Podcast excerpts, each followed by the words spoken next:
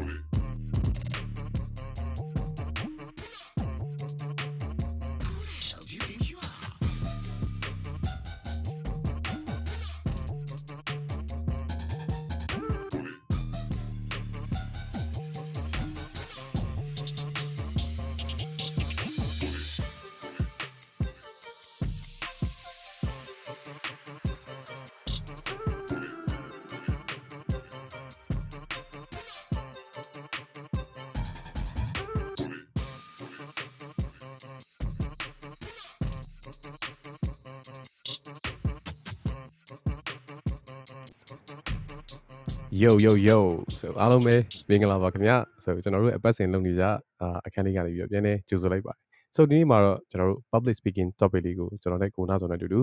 explore လုပ်တော့မှာပါအောက်မှာရှိနေညီကောင်မောင်နှမတွေထဲမှာလည်းတကယ်လို့များ public speaking ဆိုတဲ့ခေါင်းစဉ်ကိုကြားလိုက်တာနဲ့ဆိုတုံလုံးချောချာနေမဲ့လူတွေရှိလို့ရှိရင်ဒီနေ့လာနားတော့တဲ့အခန်းမှတ်ပါတယ်ဗျဆိုကျွန်တော်တို့ဒီနေ့အာ public speaking မှာ do's and don'ts တွေဘာတွေလုပ်မယ် tips and tricks တွေဘာတွေရှိတယ်အစသည်ဖြင့်ဒီနေ့ ပြောသွားပြီပါပါ so ပြီးစီဖွင့်ပြီးကျွန်တော်တို့တယောက်တည်းကနေတခြားလူလူရော like ကနေသေးတယ်ပါ so ကိုနာဆိုလဲအားလုံးပဲမင်္ဂလာပါကိုနာဆိုမင်္ဂလာပါဗျ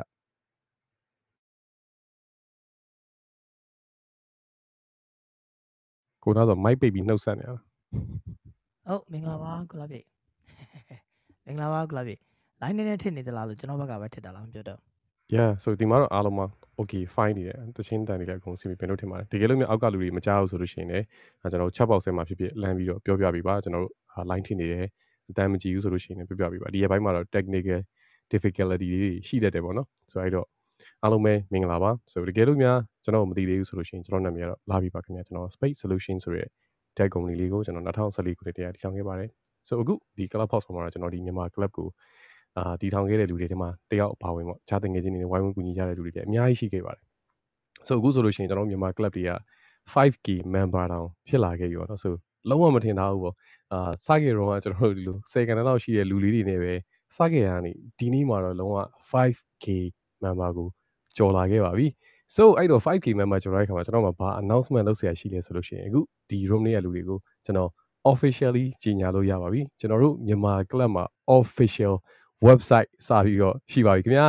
so official website လေးကိုလည်းဝင်ပြီးတော့ check out လုပ်ပေးကြပါလောလောဆယ်မှာတော့အာကျွန်တော်တို့ beta အနေနဲ့စမ်းထားတာဖြစ်တဲ့အတွက်တချို့ information တချို့ page လေးတွေမှာတော့ပြည့်စုံမှုလေးတွေမရှိသေးတာလည်းသိခံပေးပါကျွန်တော်တို့အတက်နိုင်ဆုံးနောက်ပိုင်းကြလို့ရှိရင်အာ website ပေါ်ကနေပြီးတော့ announcement တွေလည်းကျွန်တော်တို့အများကြီးလုပ်ပါမယ်တစ်ဆက်တည်းမှာပဲ website မှာသွားပြီးကြည့်လိုက်မယ်ဆိုလို့ရှိရင်ကျွန်တော်တို့ရဲ့ Telegram official channel ကိုလည်းစတင်ပြီးတော့ establish လုပ်လိုက်ပါပြီတကယ်လို့များ Clubhouse ကနေ noti တွေမဝင်လို့ room တွေလွတ်လွတ်သွားတယ်စိတ်ညစ်ပါတယ်ဆိုတဲ့လူတွေအားလုံး Telegram channel ကိုအခုပဲတွားပြီးတော့ join ကြပါဗျာ so Clubhouse အာမြန်မာ club ဆိုပြီးတော့ Telegram မှာရှာလို့ရှိရင်စပြီးတွေ့ပါပြီအခုကျွန်တော်အပေါ်မှာ ping လုပ်ထားတဲ့ link ကနေပြီးတော့လည်းတစ်ဆင့်ဝင်လို့ရပါတယ်ခင်ဗျာအဲ့ link ထဲမှာလည်းကျွန်တော်တို့ Telegram channel ကို join လို့ရမယ်ဥစ္စာ website ပေါ်မှာကျွန်တော်တခါတည်းတင်ထားပေးပါတယ်ဆိုကျွန်တော် website လေးကိုလည်း check out လုပ်ပေးပါအဲ့ပေါ်မှာနောက်ပိုင်းကျလို့ရှိရင် Clubhouse ဘယ်လိုသုံးရမလဲဘယ် room တွေကိုနားထောင်ရလဲဘာကြောင့်လဲဆိုတော့ room တွေအရင်များလာပြီဆိုဘယ် room ကိုနားထောင်ရမလဲရွေးရခက်တဲ့ပြဿနာတွေလည်းရှိလာနိုင်တယ်ပေါ့ဆဲဆိုအဲ့တော့ကျွန်တော်တို့ကအာဘယ်အခန်းတွေကိုနားထောင်တင်လဲစသည်ဖြင့်ကျွန်တော်တို့ rating တွေ review တွေလုပ်ပေးမယ်ဆိုကိုနာဆိုအနေနဲ့လည်းအာခဏနေလို့ရှိရင် share ပေးပါလိမ့်မယ်သူလည်းနောက်ပိုင်းကျလို့ရှိရင် room အာ notes တွေပါတယ်အကုန်လုံးကိုကျွန်တော်တို့ပြန်ပြီးတော့ publish လုပ်ပေးတဲ့ပုံစံမျိုးတွေလုပ်ပေးဖို့လည်းရှိပါတယ်အဲ့ဒီအကြောင်းလေးလည်းကိုနာဆိုနေပါပြောပြပါအောင်ဗျဟုတ်ကဲ့ပါဟုတ်အားလုံးမင်္ဂလာပါဟုတ်ကျွန်တော်နာမည်ဝနစောပါအဲဒီထဲမှာကျွန်တော်မသိသေးလို့တော့ကျွန်တော်တော့လက်ရှိမှာ Blanca Furniture ရဲ့ CEO and Co-founder ပါ Yellow Cloud ဆိုတဲ့ညီနဲ့ကျွန်တော်ဒီ creative business လုပ်ထားလုပ်နေရလဲရှိပါတယ်ပြီးတော့ Miraki Design ဆိုပြီးတော့ဒီ architecture studio လေးအဲတွားထားတာလဲကြာပါပြီပေါ့နော်အဲဒီမှာတော့ Clubhouse မှာတော့ဒါကိုလာပြေးနဲ့အဲ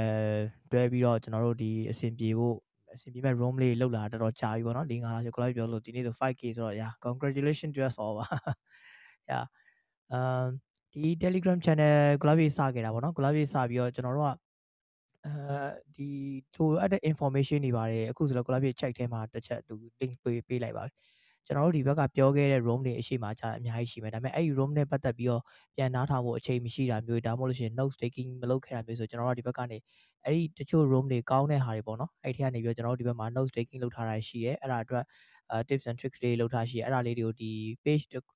Telegram page အနေနဲ့ကျွန်တော် publish လုပ်ပြီးတော့အဲ့ထဲမှာအာပို့ပေးသွားမှာပေါ့နော်အဲ့ဒါဆိုရှင်ကျွန်တော်တို့အကုန်လုံးအဲ့ထဲမှာ information တွေအကုန်လုံးဝင်ကြည့်လို့ရမယ်အာပြီးတော့ဒီနောက်ထပ်ကျွန်တော်တို့ပြောသေးခြင်းတဲ့ဟာမျိုးတွေနောက်တစ်ခုကအဲကိုသိခြင်းတဲ့ဟာမျိုးတွေအခက်အခဲဖြစ်နေတာမျိုးဒါမျိုးတွေဆိုလို့ရှိရင်လည်းအခုဒီ Clubhouse မှာကကျွန်တော်တို့ရဲ့ဒီ back channel ကဘလို့မှ message မဝင်တာတွေဖြစ်နေတဲ့အတွက်ကြောင့် Telegram မှာ Telegram channel မှာလာပြီးတော့အာပြောလို့ရတဲ့ဟာမျိုးတွေရှိပြီပေါ့နော်ကျွန်တော်တို့ဒီပတ်တစ်ခါဒီဟာမျိုး request လေးလုပ်သွားမယ်ဘာတွေပြောချင်လဲပေါ့ပြီးတော့ကြိုပြီးတော့ကျွန်တော်တို့ပြောမဲ့ဟာတွေကိုဒီမှာ Telegram channel မှာ announce လုပ်သွားတာဖြစ်တဲ့အတွက်ကြောင့် ဒီလာနားထောင်တဲ့လူတွေမှာပို့ပြီးတော့ prepare လုပ်ချိန်ရသွားမယ်ဆိုတဲ့ဟာ feedback လေးတစ်ခုကိုလာပစ္စည်းကလည်းရတယ်ပေါ့နော်အဲ့တော့ကျွန်တော်တို့အဲ့လိုမျိုး prepare လုပ်ချိန်ရတယ်ဆိုဆိုလို့ရှိရင်အဲကိုမေးချင်တဲ့မေးကိုနေကိုဝင်ပြောချင်တာတွေကို share ချင်တဲ့ experience တွေဒါဝင်ပြီးတော့ prepare လုပ်ထားလို့ရတဲ့အခါကျတော့ပိုအဆင်ပြေတယ်ပေါ့နော်ကျွန်တော်တို့လုပ်တဲ့ရည်ရွယ်ချက်ကလည်းအဓိကဒါပဲကျွန်တော်တို့နှစ်ယောက်တည်းအပေါ်မှာထိုင်ပြီးတော့ပွားနေဖို့မဟုတ်ဘူးပေါ့နော်အဲကျွန်တော်တို့တီးတဲ့ experience တွေ share ပြပေးမယ်ဒါပေမဲ့ နားထောင်တဲ့လူတွေရဲ့အထဲမှာလည်းကိုသူတို့တည်ထားတဲ့ဟာမျိုးတွေလက်ရှိဖြစ်နေတဲ့အခက်အခဲတွေကိုဘယ်လိုမျိုးတွေကြောဖြတ်ထားတာတွေရှိတယ်လဲဒါမျိုးတွေပေါ့နော်အဲ့တော့အကုန်လုံး sharing လုပ်ပြီးတော့တယောက်နဲ့တယောက်နဲ့တက်နိုင်သလောက်ဟိုကူညီပေးတဲ့ community တွေတစ်ခုဖြစ်လာအောင်ဒါကျွန်တော်တို့ကလုပ်စလုပ်ထားတာပဲဆိုတော့ဒီ Telegram channel ကဒါကျွန်တော်တို့ကလုံးဝ first step ပဲပေါ့နော်ဟုတ်ကဲ့ပါကိုလာပြီဟုတ်ကဲ့ပါကိုနာ share ပြီးသွားတော့လေကျေးဇူး အများကြီးတင်ပါတယ် so without further ado ပေါ့နော် so အချိန်ဆွဲမနေတော့ဘဲနဲ့ Telegram channel ကိုအမြန်ဆုံး join ထားဖို့တော့ဖိတ်ခေါ်ကြမှာကျွန်တော်တို့ spam လုံးဝမလုပ်ပါဘူးဆိုအလကားနေ message တွေပို့တာမျိုးကျွန်တော်လုံးဝမလုပ်ပါဘူးပေါ့ so တပတ်ကိုတစ်ခါလုံးမယ် room တွေ maybe နောက်ပိုင်းကျလို့ရှိရင်လည်း room တွေ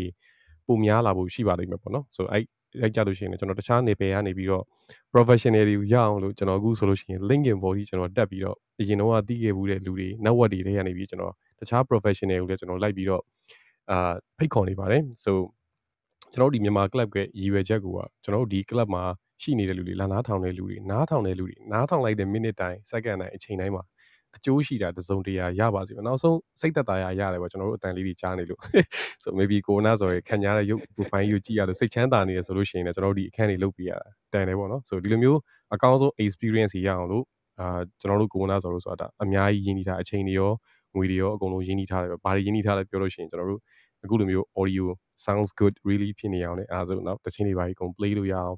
internet connection ကောင်းအောင်စသည်ဖြင့်ဒါတွေအားလုံးကကျွန်တော်တို့ဘယ်မှပတ်စံတွေမယူရနဲ့ကျွန်တော်တို့နေရာ ATH စိုက်ပြီးတော့စေတနာဘလပွားကြီးနဲ့အကုန်လုပ်ပြီးနေအရာတွေပေါ့နော်ဆိုအခုဆိုလို့ရှိရင် website လည်းကျွန်တော်တို့စပြီးတော့ establish လုပ်လိုက်ပါပြီကျွန်တော်တို့ contribute လုပ်ပြီးခဲ့တဲ့လူတွေလည်းအများကြီးအများကြီးရှိပါတယ်ကျွန်တော်တို့တခါမှမမြင်ဘူးမတွေ့ဘူးပဲယုံကြည်စိတ်ချစွာနဲ့ contribute လုပ်ပေးခဲ့တဲ့လူအားလုံးကိုလည်းကျွန်တော်ဒီနေရာကနေကျေးဇူးတင်တယ်လို့ပြောချင်ပါတယ် so ဒီနေ့အခန်းလေးလောက်ရတဲ့ရည်ရွယ်ချက်ကတော့ public speaking ကိုကျွန်တော်ခဏခဏမေးကြတယ်ပေါ့ so ကိုလာဘီယာတဲ့ဒီပေါ်မှာစကားကြီးပြောတယ်ပေါ့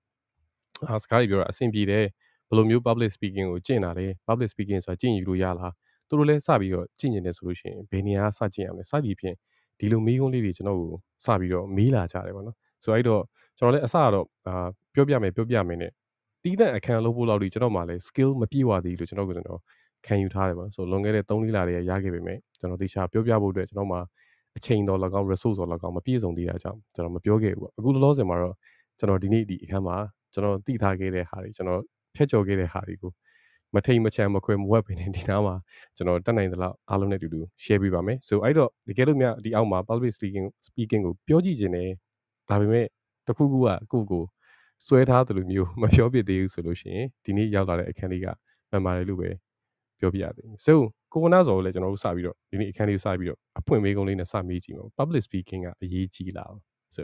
public speaking ကဘာကြောင့်မလို့အရေးပါတာလဲဆိုတော့အဲ့ဒါလေးနဲ့အတူတူကျွန်တော်တို့စပြီးဆွေးနွေးလိုက်အောင်ဗျဟုတ်ကဲ့ပါကလာဖြစ် public speaking နဲ့ပတ်သက်ပြီးတော့ဒါကအကုန်လုံးကဘယ်လောက်ထိအရေးကြီးလဲဆိုတာဟာအဲကျွန်တော်တို့ထပ်ပြီးတော့ဆွေးနွေးရမယ်ပေါ့နော်အဲအခုကျွန်တော်တစ်ချက်လောက်ဟို sorry ကြားဖြတ်ပြီးတော့ အဲ public speaking ကျွန်တော်တို့ဒီမြန်မာ club အနေနဲ့ဒီဟိုတစ်ခေါက်ကကျွန်တော်ကြေညာခဲ့သလိုကျွန်တော်တို့ဒီ Aussie မှာအာကြောင်းတက်တာပဲဖြစ်ဖြစ်အလုပ်လုပ်တာပဲဖြစ်ဖြစ်ပေါ့နော်အဲ့ဒါနဲ့ပတ်သက်တဲ့ experience တွေအာ share ပေးမဲ့ညီမလေးလည်းအခုအောက်မှာရှိပါတယ်အဲ့အဲ့ညီမလေးကကူကူပေါ့နော်သူ့ရဲ့အကောင့်ကကူကူပေါ့နော်အာသူကလည်းအဲဒီမှာ speaking ဘယ်လိုလုပ်မလဲပေါ့နော်သူ့အတွက်ကလည်းဒါ first time ဖြစ်နေတဲ့ခါကျတော့သူလည်းဒီနေ့ room မှာလာပြီး public speaking ကိုဘယ်လိုမျိုးအရင်ဆုံးလုပ်မလဲပေါ့သူကပြောသူပြောမဲ့ experience တွေသူမှ sharing လုပ်မဲ့ဟာတွေရှိတယ်ဒါပေမဲ့ ဒီဟာပေါ်မှာတက်ပြီးပြောဖို့အတွက်ကအဲဒါသူတို့ first time ဖြစ်နေမဲ့အခြေအနေမျိုးလေးပေါ့နော်အဲ့တော့အဲသူလည်းဒီနေ့ room လေးကိုလာပြီးတော့ join ပါတယ်အဲ့တော့တချို့မေးချင်တာလေးရှိသူ့ကိုတွားပြီးတော့ approach လုပ်လို့တော့ရပါတယ်ဟုတ်ကလာပြီအဲ့ဒါကျွန်တော်အရင်ဆုံးလေးပိတ်ဆက်ပေးလိုက်တာပါဟုတ်အဲ့တော့ကလာပြီမေးခွန်းဆက်ပြီးတော့ပြောရလို့ရှိရင် public speaking ကကျွန်တော်တို့ရဲ့ဘဝ life မှာအဲတစ်ချိန်ချိန်မှာတော့ဖြစ်လာဖို့ရှိနိုင်တယ်ဖြစ်ဟိုကြုံကြုံလာမှာပေါ့နော်အဲအကယ်၍ ကိုလုပ်နေတဲ့လုပ်ငန်းကိုလုပ်နေတဲ့ဟိုဟို day to day sorry ဒီဘယ်လိုခေါ်မလဲ9 to 5လုပ်ငန်းပဲဖြစ်ဖြစ်ဒီကိုဟာနဲ့ကို company ထောင်ပြီးတော့ entrepreneur လုပ်တာဖြစ်ဖြစ်ဘလို့အခြေအနေပဲဖြစ်ဖြစ်အတိုင်းအတာတစ်ခုထိမှာတော့ public speaking အဲလောက်လာမယ့်အခြေအနေမျိုးကြုံလာတယ်ကျွန်တော်တို့ဟိုးငငယ်ကလေးကအစားကြောင်းမာတဲ့ကအစားဒီမှာဆီယာမခေါ်လိုက်ပြီဆိုလို့ရှင်ကဲထဆန်းဆိုပြီးတော့စာလို့အရှိကိုထွက်ပြီးတော့ပြောပြစမ်းဆိုတာဒါ public speaking ဆိုတာဒီမှာစတာပဲအဲ့ဒီအဲ့ဒီဥစ္စာကိုကြောက်တဲ့ fear ဆိုတာလဲ အဲ့ဒီကနေစတာပဲအာဒူးတွေတုံးပြီးတော့စာရန်ဘလောက်ပဲတော်တော်ကျောင်းရှိသမျှအတန်းလူတွေရှေ့ကိုထွက်ပြီးတော့ပြောရပြီဆိုလို့ရှိရင်အကုန်လုံးမေ့ကုန်တာတော့အာဟိုငငယ်တော့ကျွန်တော်တကယ်ရင်တယောက်ဆိုလို့ရှိရင်အထူးရှူးပါပေါက်ချတဲ့အချိန်မှာအဲ့လိုမျိုးဖြစ်တဲ့အခြေအနေကစပြီးတော့အဲ public speaking experience ကိုကြုံရတာပေါ့နော်ဆိုတော့ကျွန်တော်ငငယ်လေးတွေကစပြီးတော့ကြုံရတယ်နောက်ပြီးတော့ဒီကျွန်တော် movie ထဲမှာကြည့်မှာပါဟို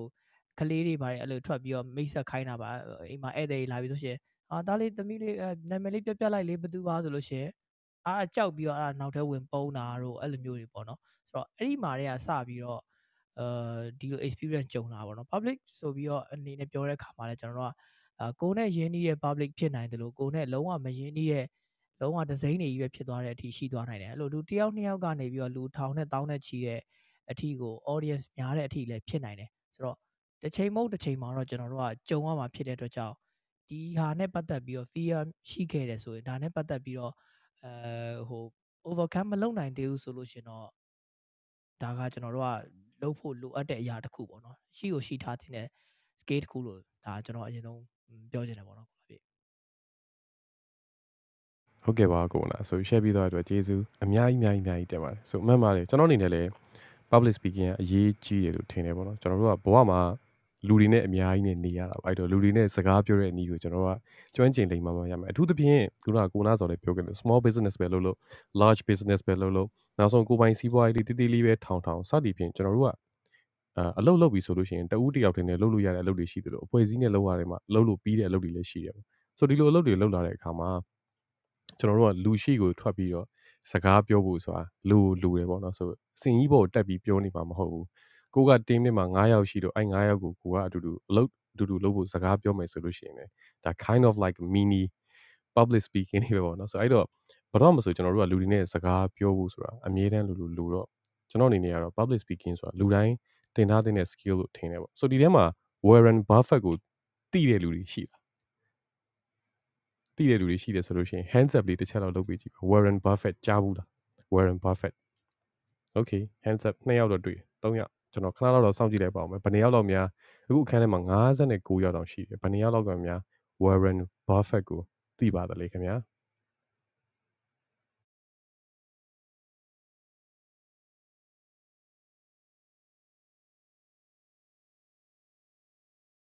Okay so ကိုနာဆိုစီမှာဘယ်နှစ်ယောက်တွေ့ကျွန်တော်စီမှာတော့လို့ဆို10ယောက်တွေ့ရတယ်ပေါ့ကျွန်တော်စီမှာတိတ်ဟော okay ဟုတ်တယ်10ယောက်ဖြစ်သွားပြီ Okay so ထားပါတော့ဒီထဲမှာ20%လောက်က Warren Buffett ကိုတီးကြတယ်ပေါ့ so Warren Buffett ကဘယ်လိုလဲဆိုလို့ရှိရင်ဟာ stock တီအများကြီးပိုင်ဆိုင်တဲ့လူလို့ပြောလို့ရှိရင်ပို့ပြီးတော့မှန်ပဲပေါ့နော်သူက trading တွေအများကြီးလုပ်တယ်အာသူကကဘာကျော်ထိတ်တန်းတထေးတွေတည်းတယောက်အနေနဲ့ပါတယ်သူအရင် hangout အခုလုပ်နေရဆိုလို့ရှိရင်ကျွန်တော်တို့ Microsoft ကပိုင်ရှင် Bill Gates နဲ့သူတွေကတူတူ hangout လုပ်ဖြစ်တာများတယ်ပေါ့နော်ဆိုအသက်ကြီးကြီးခေါင်းဖြူဖြူနဲ့ပဲ Coca-Cola ဘူးကိုတောက်နေတာ internet ပေါ်မှာတွေ့လို့ရှိရင်အဲ့ဒါ Warren Buffett ပဲတီးကြတယ် သူက Coca-Cola ရဲ့ stock တွေဝယ်ထားဆိုတော့သူ stock ဈေးတက်အောင်လို့သူ့ရဲ့အကောင့်ဆုံး marketing ကသူက press တွေလုပ်လို့ရှိရင်စကားပြောလို့ရှိရင်အမြဲတမ်းသူ Coca-Cola တောက်ပြတယ်လုံးဝအရန်ကောင်းတဲ့ tag တွေပါအလကားကြညာလို့ရတဲ့နည်းနဲ့ပဲသူကြညာထားတာပါ so Warren Buffett ကသူ့ဘဝမှာအကောင်းဆုံး investment တွေသူအများကြီးမှအများကြီး company တွေအများကြီးမှ invest လုပ်တယ်ဆိုတော့ interviewer တယောက်ကမီးတယ်ပေါ့အကောင်းဆုံး investment ကဘယ်ဟာများဖြစ်မလဲလို့သူမီးခဲ့ပူတယ်သူပြန်ဖြေတဲ့ answer ကတော့ public speaking ပါပဲလေခင်ဗျာ so public speaking ကိုသူအဲ့တုန်းက သူတက်ခဲ့တာဒေါ်လာ1800လား2000လားမသိအဲ့လောက်သူပြီးခဲ့ရတယ်ပေါ့ဆိုပြီးခဲ့ရတဲ့ဟာမှာသူတသက်တာမှာသူရင်းနှီးခဲ့တဲ့အဲ့ဒေါ်လာ2000လောက်ကသူ့ဘဝတစ်လျှောက်လုံးမှာအရန်ကိုအကျိုးရှိသွားတယ်ဆိုတဲ့အကြောင်းကိုသူ interview မှာဖြေခဲ့တယ်ကျွန်တော်လည်းအဲ့ဒီမှာစာပြီး mind blown ဖြစ်သွားတယ် so wow ဒီလိုမျိုးအရန်ချမ်းသာပါတယ်ဆိုရယ် millionaire billionaire လူကြီးကဒီလိုစကားကိုပြောလာတယ်ပေါ့သူဘယ်နားတွေမှာတုံးလဲသိချင်တော့သူကအဲ့လိုမျိုးလူတွေနဲ့စကားပြောမယ် negotiate လုပ်မယ်ဆွေးနွေးမယ်တိုင်ပင်မယ်ညှိနှိုင်းမယ်ပေါ့စသည်ဖြင့်ဒီလိုလုပ်တွေအကုန်လုံးမှာသူ့ရဲ့ public speaking skill က တစ်သက်လုံးလှုပ်ရှားသွားလို့ရနောက်ဆုံးသူကအရန်တုံတော့ဘာဖြစ်လဲဆိုတော့ပွဲဒီမှာအကြောင်းဒီမှာသူ့ကိုစကားပြောခိုင်းလို့ရှိရင်လည်းသူနိုင်နဲ့ပြီးပြီးတော့သူကဟောပြောပွဲတွေလုပ်ပေးရတယ်ဒီ investment အကြောင်းတွေတော့ရှင်းပြပေးရတယ်ဆိုတော့အဲ့တော့လည်းသူက percent ထည့်ရတယ်အဲ့တော့သူကသူရင်းနှီးခဲ့တဲ့ percent ပေါ်မှာ return on investment အများဆုံးပြင်ရတာက public speaking လို့ပြောခဲ့ပါတယ်ဆိုကျွန်တော်အနေနဲ့လည်းအဲ့လိုပဲတကယ်လည်းထင်ပါတယ်ဆိုတကယ်တမ်းသာကိုကစကားကောင်းကောင်းပြောတတ်မယ်လူတွေကိုကိုယ့်စကားနဲ့ ဆွဲဆောင်နိုင်မယ်စီးရုံးနိုင်မယ်ဆိုလို့ရှိရင်ကျွန်တော်တို့လုပ်လို့ရတဲ့အလုပ်တွေဆိုတာမရေမတွက်နိုင်တော့ possibility က endless ပေါ့နော်ဆို end လို့ဖြစ်စီမှာဘာပဲလဲဆိုတော့ကိုကိုယ်တိုင်ပဲဖြစ်နေမယ်ကိုကိုယ်တိုင်ရဲ့ပဲရက်တန်ထားတာပဲဖြစ်နေမယ်ပေါ့ဆို possibility တွေကတော့အများကြီးရှိပါတယ်ဆိုအဲ့တော့ကျွန်တော်အနေနဲ့ဒီအောက်ကလူတွေကိုလည်းကျွန်တော်မေးနေတယ်ပေါ့ကိုက public speaking ပြောချင်လို့ဒီအခန်းထဲမှာရောက်နေရတော့တေးကြတယ်ပေါ့နော်ဆို70%လောက်တေးကြတယ်အဲ့ဒါဆိုရင် public speaking ပြောဖို့အတွက်ဘယ်အရာတွေကကြောက်ဖို့ကောင်းနေရလဲ ဆိုအဲ့မေးခွန်းလေးကိုကျွန်တော်မေးချင်ပါတယ်ဆိုကျွန်တော်တို့ရဲ့ chat ထဲမှာဖြည့်ပေးကြည့်ပါ public speaking လုပ်ဖို့အတွက်ဘယ်အရာတွေကိုကိုကကြောက်နေတာလဲစကားပြောဖို့ကြောက်တာလားတခြားဘာတွေရှိသေးလဲပေါ့ဆိုကိုဝနာဆို public speaking စပြောတဲ့အခါမှာကြောက်ခဲ့တဲ့ fear တွေရှိသေးတာကျွန်တော်တခြားလူတွေရဲ့အဖြေလေးကိုစောင့်ရင်းနဲ့ကိုနာဆိုရဲ့ answer လေးကိုလည်းကြားချင်ပါသေးရဲ့ဗျ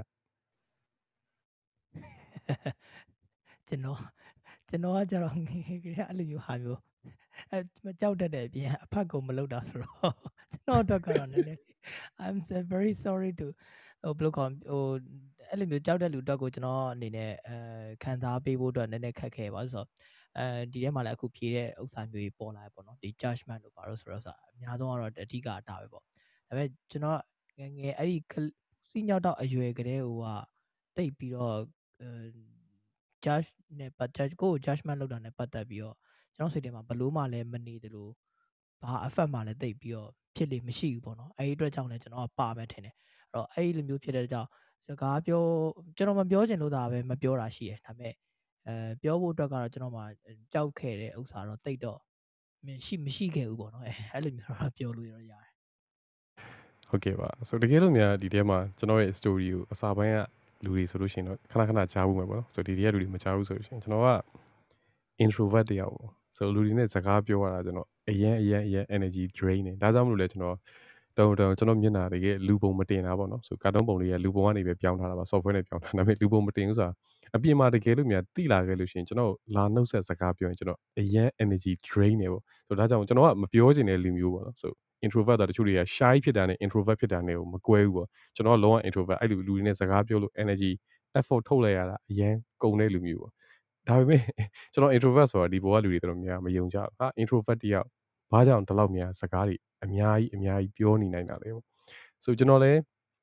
introvert ကအပြင်မှာသာစကားပြောတာအတွင်းထဲမှာတော့စကားတွေများတယ်ပေါ့ဒီထဲမှာတကယ်လို့များ introvert တွေရှိနေခဲ့လို့ရှိရင် so proud to be yourself ပေါ့နော် so introvert တွေကတကယ်တမ်းပြောလို့ရှိရင်အပြင်မှာပါဇက်နဲ့ပြောနေလူတွေထက်အတွင်းထဲက conversation ကသူများကြီးထက်ပိုများတယ်ဒါကြောင့်မလို့ကျွန်တော်စကားပြောတဲ့အခါမှာလည်းတောက်လျှောက်ပြောနိုင်တာတို့အာထစ်တာတွေတိတ်မရှိတာတို့ ပြောသွားရင်စကားလမ်းစာပြောက်တာဒါမျိုးတိတ်မရှိဘူးကျွန်တော်ခေါင်းထဲမှာ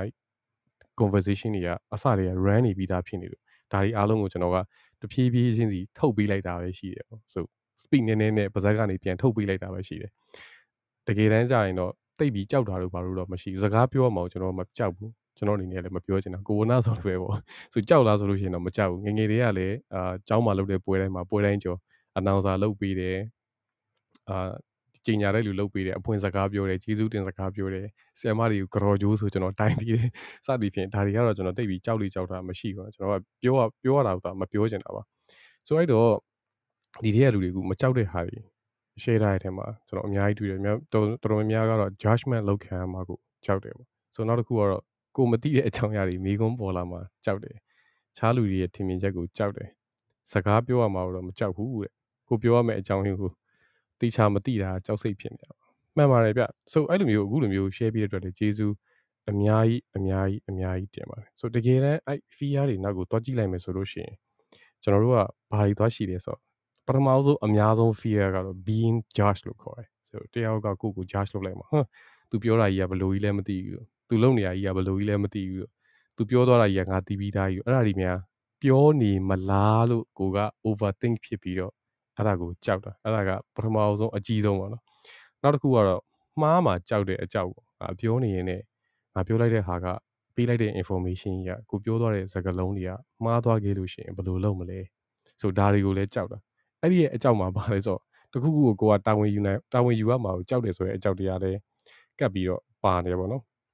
အဲ့တော့တကယ်တမ်းပြန်ပြီးတော့ break down တေချာလုပ်ကြည့်မယ်ဆိုလို့ရှိရင်စကားပြောရမှာကိုလူတွေကတိတ်ပြီးတော့မကြောက်ဘူးရ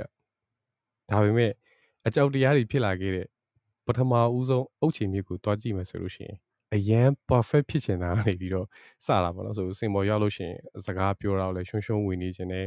အာလုံးဝလည်းမထစ်ချင်ဘူးစကားလုံးတွေကလည်းကောင်းခုပြောတာတွေအားလုံးကလည်းအကုန်အဆင်ပြေဆိုတော့ perfect ဆိုတဲ့ stage တစ်ခုကိုရောက်ချင်တာပေါ့နော်ဆိုအဲ့ဒါကကျွန်တော်တို့ public speaking ဖြစ်တဲ့အခါမှာအလွဲတွေအများဆုံးဖြစ်နိုင်မယ်လို့ထင်တယ်ဆိုအခုစကားပြောနေနေလဲကျွန်တော်ဆိုလို့ရှိရင်ပေါ့နော်ဆို perfect ဖြစ်ဖို့အတွက်ကိုကျွန်တော်မစင်စားထားဘူး ကျွန်တော်ပြောတာကြီးကမှားကောင်းလဲမှားသွားနိုင်တယ်ဆိုမှားလို့ရှိရင်လည်းကျွန်တော်မှားကြောင်းကျွန်တော်ဝန်ခံရေးတယ်ပေါ့ sorry ပါကျွန်တော်ပြောတာမှားသွားတယ်အဲကျွန်တော်ဒီနားလေးမှာပြောတော့အဆင်မပြေဘူးကျွန်တော်မှပြောဖို့ ready ရှိတယ်ပေါ့ပြီးတော့လူတော်တော်များများကကျွန်တော်တို့ဒီနိုင်ငံမှာ public speaking ကြောက်တယ်ဆိုတော့ကျွန်တော်တို့ education system ကိုပဲတွားပြီး blame ရမလို့ဖြစ်နေတယ်။ဘာကြောင့်လဲဆိုတော့ငငယ်လေးကကျွန်တော်တို့ကနားထောင်တတ်ဖို့ပဲသင်ပေးပြီးတော့ question ပြန်ထုတ်တာတို့အာလူရှိသူရှိမှထွက်ပြီးတော့ကိုယ့်ရဲ့ထင်မြင်ချက်ကိုပေးတာတို့ကျွန်တော်တို့ education system promote အရင်မလုပ်ခဲ့ပေးဘူးပေါ့နော်။ဆိုအဲ့တော့အဲ့ဒါတွေကိုပြောရမှာလူတွေကကြောက်တယ်ပေါ့။ဒါပေမဲ့တကယ်တမ်းအပြင်လောကမှာရောက်နေကြကျွန်တော်တို့ဗဇက်ပိတ်နေလို့တခုတည်းနဲ့ပြီးမသွားဘူးပေါ့တချို့ຢာတွေကကိုကပြောလိုက်တော့မှကို့အကြံဉာဏ်ကအောင်မြင်ခြင်းမှလည်းအောင်မြင်မယ်ထိရောက်ခြင်းမှလည်းထိရောက်မယ်ဒါပေမဲ့ကိုကပြောလိုက်မှ contribution တခုဖြစ်သွားရဆိုတဲ့နေရာမျိုးတွေလည်းအများကြီးရှိတယ်ပေါ့နော်ဆိုကိုပြောလိုက်တဲ့ဟာတွေကလည်းကိုကသာဒါကြီးကသူတို့တီးပြီးသားနေမှာပါလို့ထင်ပေမဲ့ကိုစီမှာအထဲထဲမှာမပြောဘဲနဲ့တင်ထားလိုက်တဲ့စကားက သူတို့တွေပြောနေရတဲ့အများကြီးတန်ဖိုးရှိတဲ့အရာတွေဖြစ်သွားနိုင်တယ်ပေါ့အဲ့တော့ကျွန်တော်အနေနဲ့ကတော့စိတ်ထဲမှာရှိတဲ့ဟာတွေကိုထုတ်ပြောဖို့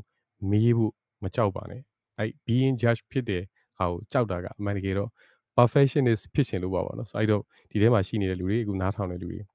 perfectionist လုံးဝမဖြစ်ချင်ပါနဲ့ဘယ်သူမှ perfect ဆိုတာမရှိပါဘူးအမှားတွေလည်းပါနိုင်တယ်အမှားပါသွားလို့ရှိရင်လည်း it's okay ပေါ့ maybe try next time ပေါ့ဒီတစ်ခါပြောတာမှမြန်သွားတယ်အဆင်မပြေဘူး replay တွေဖွင့်တာပြန်နှားထောင်ကြည့်လို့ရတယ်ဆိုပြန်နှားထောင်ကြည့်တယ်အဆင်မပြေသေးဘူးနောက်တစ်ခေါက်ကျရင်ပိုကောင်းတာပြောမယ်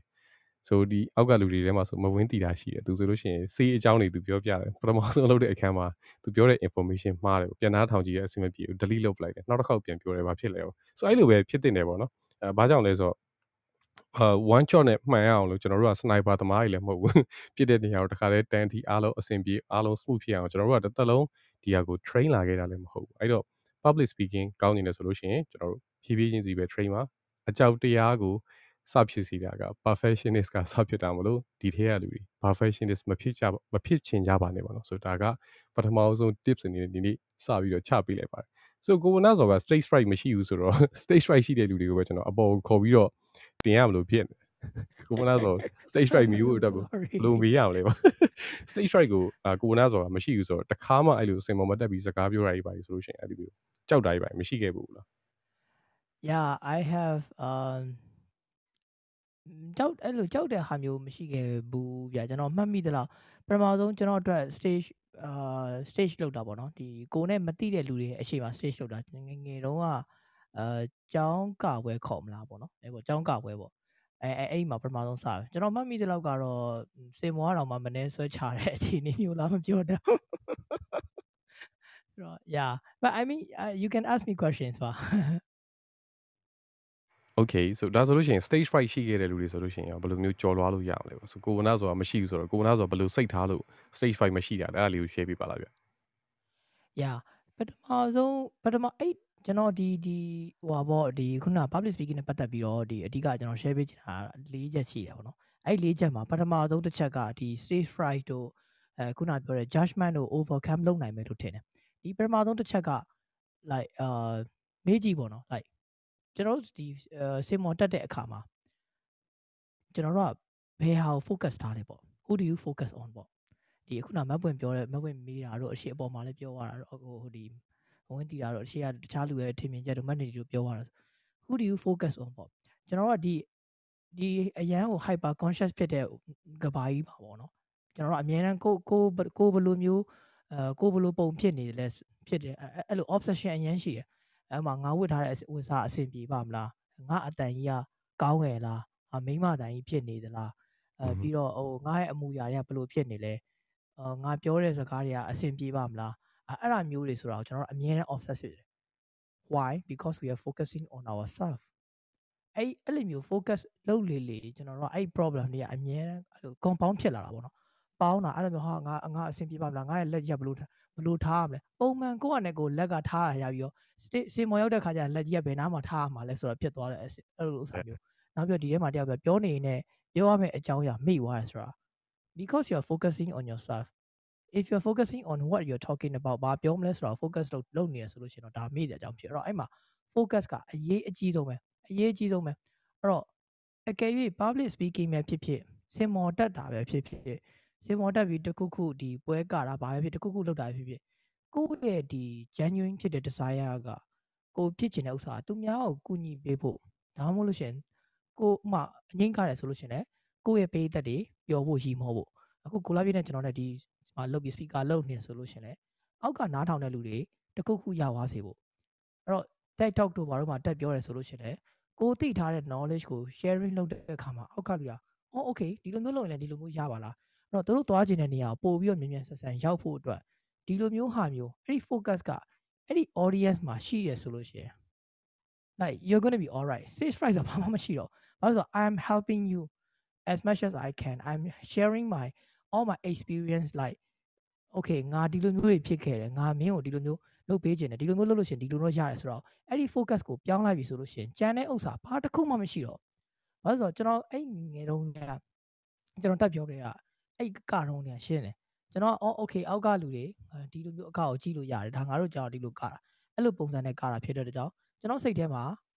ကိုတင်ထားတဲ့အတိုင်းကိုကတယ်ဒါပေမဲ့ပုံပြက်ပန်းပြက်ဖြစ်နေလဲဖြစ်နေပဲတိတ်ပြီးတော့ဂယူးဆိုင်လေးမရှိဘူး ဟိုတိုင်းတာတစ်ခုထိကျင့်ထားပဲအဲ့လိုမျိုးတက်ကြီးလိုက်အခါမှာလဲကျွန်တော်ဒီစင်ကူမှာအငိမ့်ကတော့ဆိုလို့ရှိရင်ပြီးခဲ့တဲ့ခေါက်တည်းကလည်းကျွန်တော်ပြောခဲ့ပါတယ် audience ပေါင်း1500လောက်ရှိတယ်အဲ့1500လောက်ဆိုတော့ကိုမသိတဲ့လူတွေရောဒီစင်ကူလာလဲတဲ့လူတွေရောတခြားကျောင်းကလူတွေရောအများကြီးပဲ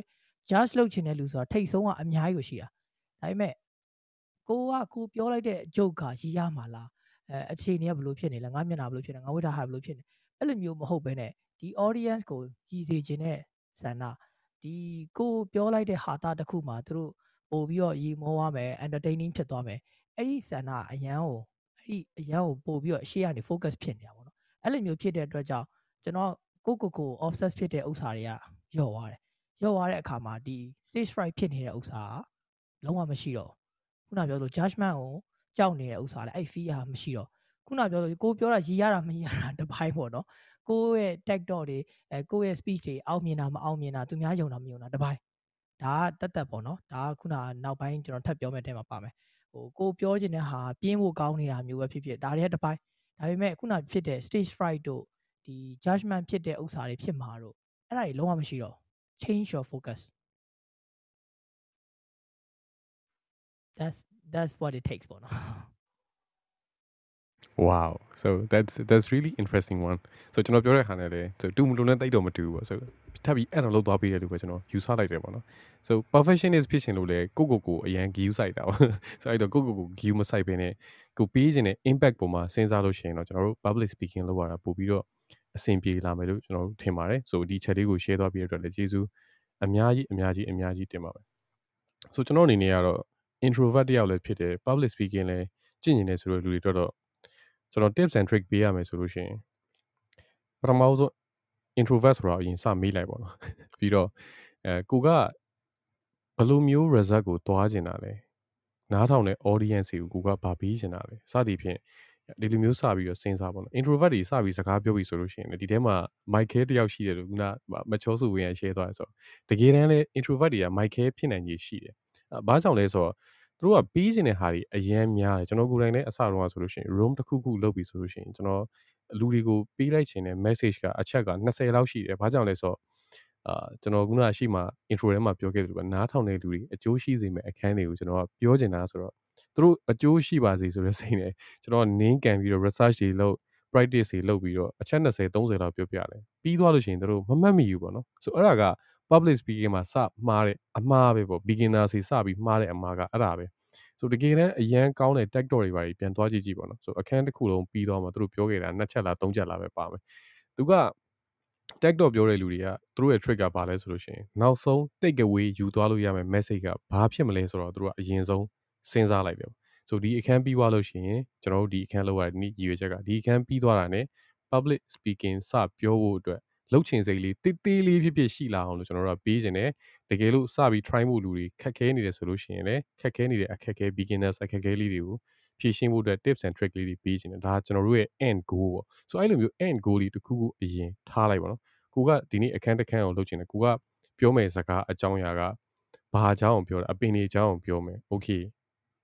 အပင်တွေကနေပြီးတော့ဘာကိုဖြစ်စေချင်တာလဲ environmental ကိုချက်တန်အောင်ကိုကပြောချင်တာလား ဒါမှမဟုတ်လို့ရှိရင်ကိုရောင်းမဲ့အပင်တွေကိုတို့ဝယ်သွားအောင်ပြောချင်တာလားဆို coffee အကြောင်းပြောမယ်ဆိုလို့ရှိရင်လည်းဆို coffee ကိုကြိုက်လာအောင်ချက်လာအောင်ဖြော်နီးတီးအောင်လို့နောက်ဆုံး end result ကဖြစ်ချင်တာလားဒါမှမဟုတ်လို့ရှိရင် coffee ဆိုတဲ့အရာကစီးပွားရေးလုပ်လို့ရတယ်ကိုယ်တိုင်ဆိုင်ဖွင့်လို့ရှိရင်ပြီးလို့ရတယ်အဲအမျက်ငွေအများကြီးရနိုင်တယ်ပေါ့နော်ဆိုစသည်ဖြင့်ဘယ်လိုမျိုး result ကိုပြီးခြင်းလဲပေါ့အဲ့လိုပြီးခြင်းတဲ့ result ပေါ်မှာမူတည်ပြီးတော့ကျွန်တော်တို့ရဲ့ conversation ကို navigate လုပ်လို့ရတယ် navigate လုပ်တယ်ဆိုတာလမ်းကြောင်းလိုက်တယ်ပေါ့ဆို နောက်ဆုံးသွားကျင်တာတော့ဒီကိုအဲ့တော့ငါရဲ့အစလေးမှာဒီလိုလေးနဲ့စမယ်အလဲမှာငါဒီလို story လေးတွေပြောမယ်ပေါ့ပြောပြီးသွားလို့ရှိရင်နောက်ဆုံးမှာတော့သူတို့ take away နေနဲ့ဒါကြောင့်မလို့ဒါလေးဒါလေးဒါလေးတွေလုပ်တင်ပါတယ်စသည်ဖြင့်ဒီလိုစလဲဆုံး၃ပိုင်းပါတဲ့စကားဝိုင်းနေဆိုလို့ရှိရင်ဘယ်တော့မှဆိုနားထောင်လို့ကောင်းတယ်ကျွန်တော်ကိုယ်တိုင်လည်းအစပိုင်းမှာကျွန်တော်မှားခဲ့တာတွေရှိတယ်စကားပြောတဲ့အခါမှာမြန်တာတော့လကောက်အဲတခါလီမှာခုနကပြောလို့ information တွေနင်းကန်ပြုံပြီးတော့ပြီးတဲ့အချင်းလေးကလုံးဝလုံးဝလုံးဝဖြောက်လို့မရဘူးပေါ့နော်ကျွန်တော်တို့က အဲ့အမားကတော်တော်ခက်တယ်ကိုကိုယ်တိုင်ကျတော့အဲ့ဒါကမသိရဘူးပေါ့ဒါကြောင့်မလို့ကျွန်တော်ပြန်နားထောင်တဲ့အချင်းကိုအမြဲတမ်းလုပ်တာကျွန်တော်ပြောခဲ့တဲ့အခန်းလေးအားလုံးရဲ့အောက်က replay ထဲမှာပြန်ကြည့်ကြည့်ကျွန်တော်ကိုယ်တိုင်အမြဲတမ်းနားထောင်တဲ့ဟာအမြဲတမ်းပြန်ရှိတယ်။ဘာကြောင့်ကျွန်တော်ပြန်နားထောင်လဲဆိုလို့ရှိရင်ကိုကိုကိုအမားတွေလုပ်ခဲ့မိမှန်းလဲကျွန်တော်ဖြစ်ဖြစ်နိုင်ကြီးကပိုများတယ်ပေါ့နော်။ဆိုတော့အဲ့တော့အမြဲတမ်းလို့ကျွန်တော်ပြန်သွားပြီးတော့နားထောင်ကြည့်တယ်။ Okay ငါဒီနားတွေမှာတော့ငါပြောတာလေးကအဆင်မပြေဘူး။နောက်တစ်ခေါက်ဆိုလို့ရှိရင်ငါဒီလိုမျိုးလေးပြန်ပြင်ပြီးတော့ပြောမယ်။နောက်တစ်ခေါက်တွေပြောလို့ရှိရင် ကျွန်တော်တို့ public speaking ကတခါတည်းနဲ့ဘတော်မှ perfect ဆိုတာမရှိဘူးပေါ့နော်။ဆိုပထမဆုံး tip တင်နေပေးရမယ်ဆိုလို့ရှိရင်တော့နင်းကန်နေတဲ့ information တွေအများကြီးမပေးနဲ့ perfectionist မဖြစ်စေနဲ့ပြီးသွားလို့ရှိရင်နောက်တစ်ချက်အနေနဲ့ဆက်ပြောရမယ်ဆိုလို့ရှိရင်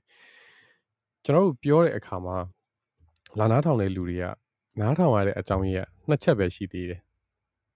သူတို့ရဲ့ pain ကိုဖြေပြောက်ပြီးရင်ဖြေပြောက်ပြီးတာဟုတ်ရင်ဟုတ်မဟုတ်လို့ရှိရင် pleasure ရခြင်းလို့ပဲ reducing pain ဖြစ်ရင်ဖြစ်မဖြစ်လို့ရှိရင်တို့က increasing pleasure ပဲဖြစ်ရမှာဆိုအဲကြောင့်ကျွန်တော်တို့ခုနအစပြောခဲ့တဲ့အခါမှာလည်းကိုကနာဇော်ရဲ့ profile လေးကိုကြည့်ပြီးအတန်နားထောင်ရတာကြိုက်လို့တော့လကောင်းကျွန်တော်တို့စကားပြောတော့နားထောင်နေရရင်ဒီတော့ relaxing ဖြစ်လို့လာနားထောင်တာတော့ဒါက relax အနေနဲ့သုံးတာပေါ့ so pain ကို resolve လုပ်ပြီးတာအခု public speaking မှာတို့ခံစားနေရတဲ့ pain တွေရှိတယ်ဘ barriers တွေရှိတယ်ဒါတွေကိုကျွန်တော်တို့က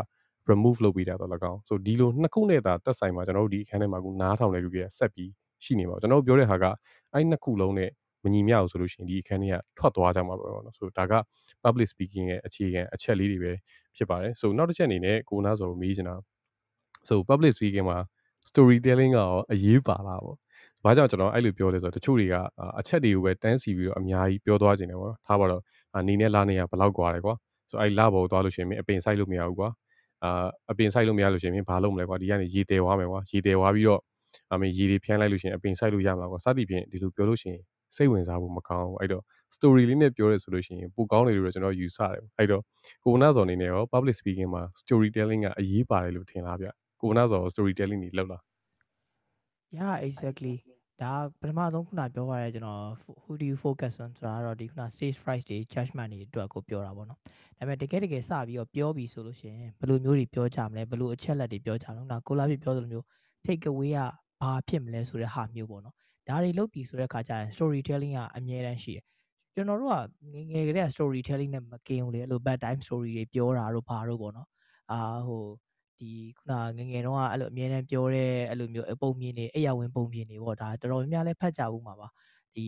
ရုပ်ရှင်တွေထဲမှာလည်းတော်တော်ကြည့်ကြဘူးမှာဆိုတော့ storytelling ကကျွန်တော်တို့နဲ့မကင်ဘူး နောက်တစ်ခုကကျတော့ storytelling ကပို့ပြီးတော့ကျွန်တော်ဟိုတစ်ခေါက်ကပြောမှုပါတယ်ဟိုပြီးခဲ့တဲ့ဟိုရှေ့က room တစ်ခုမှာ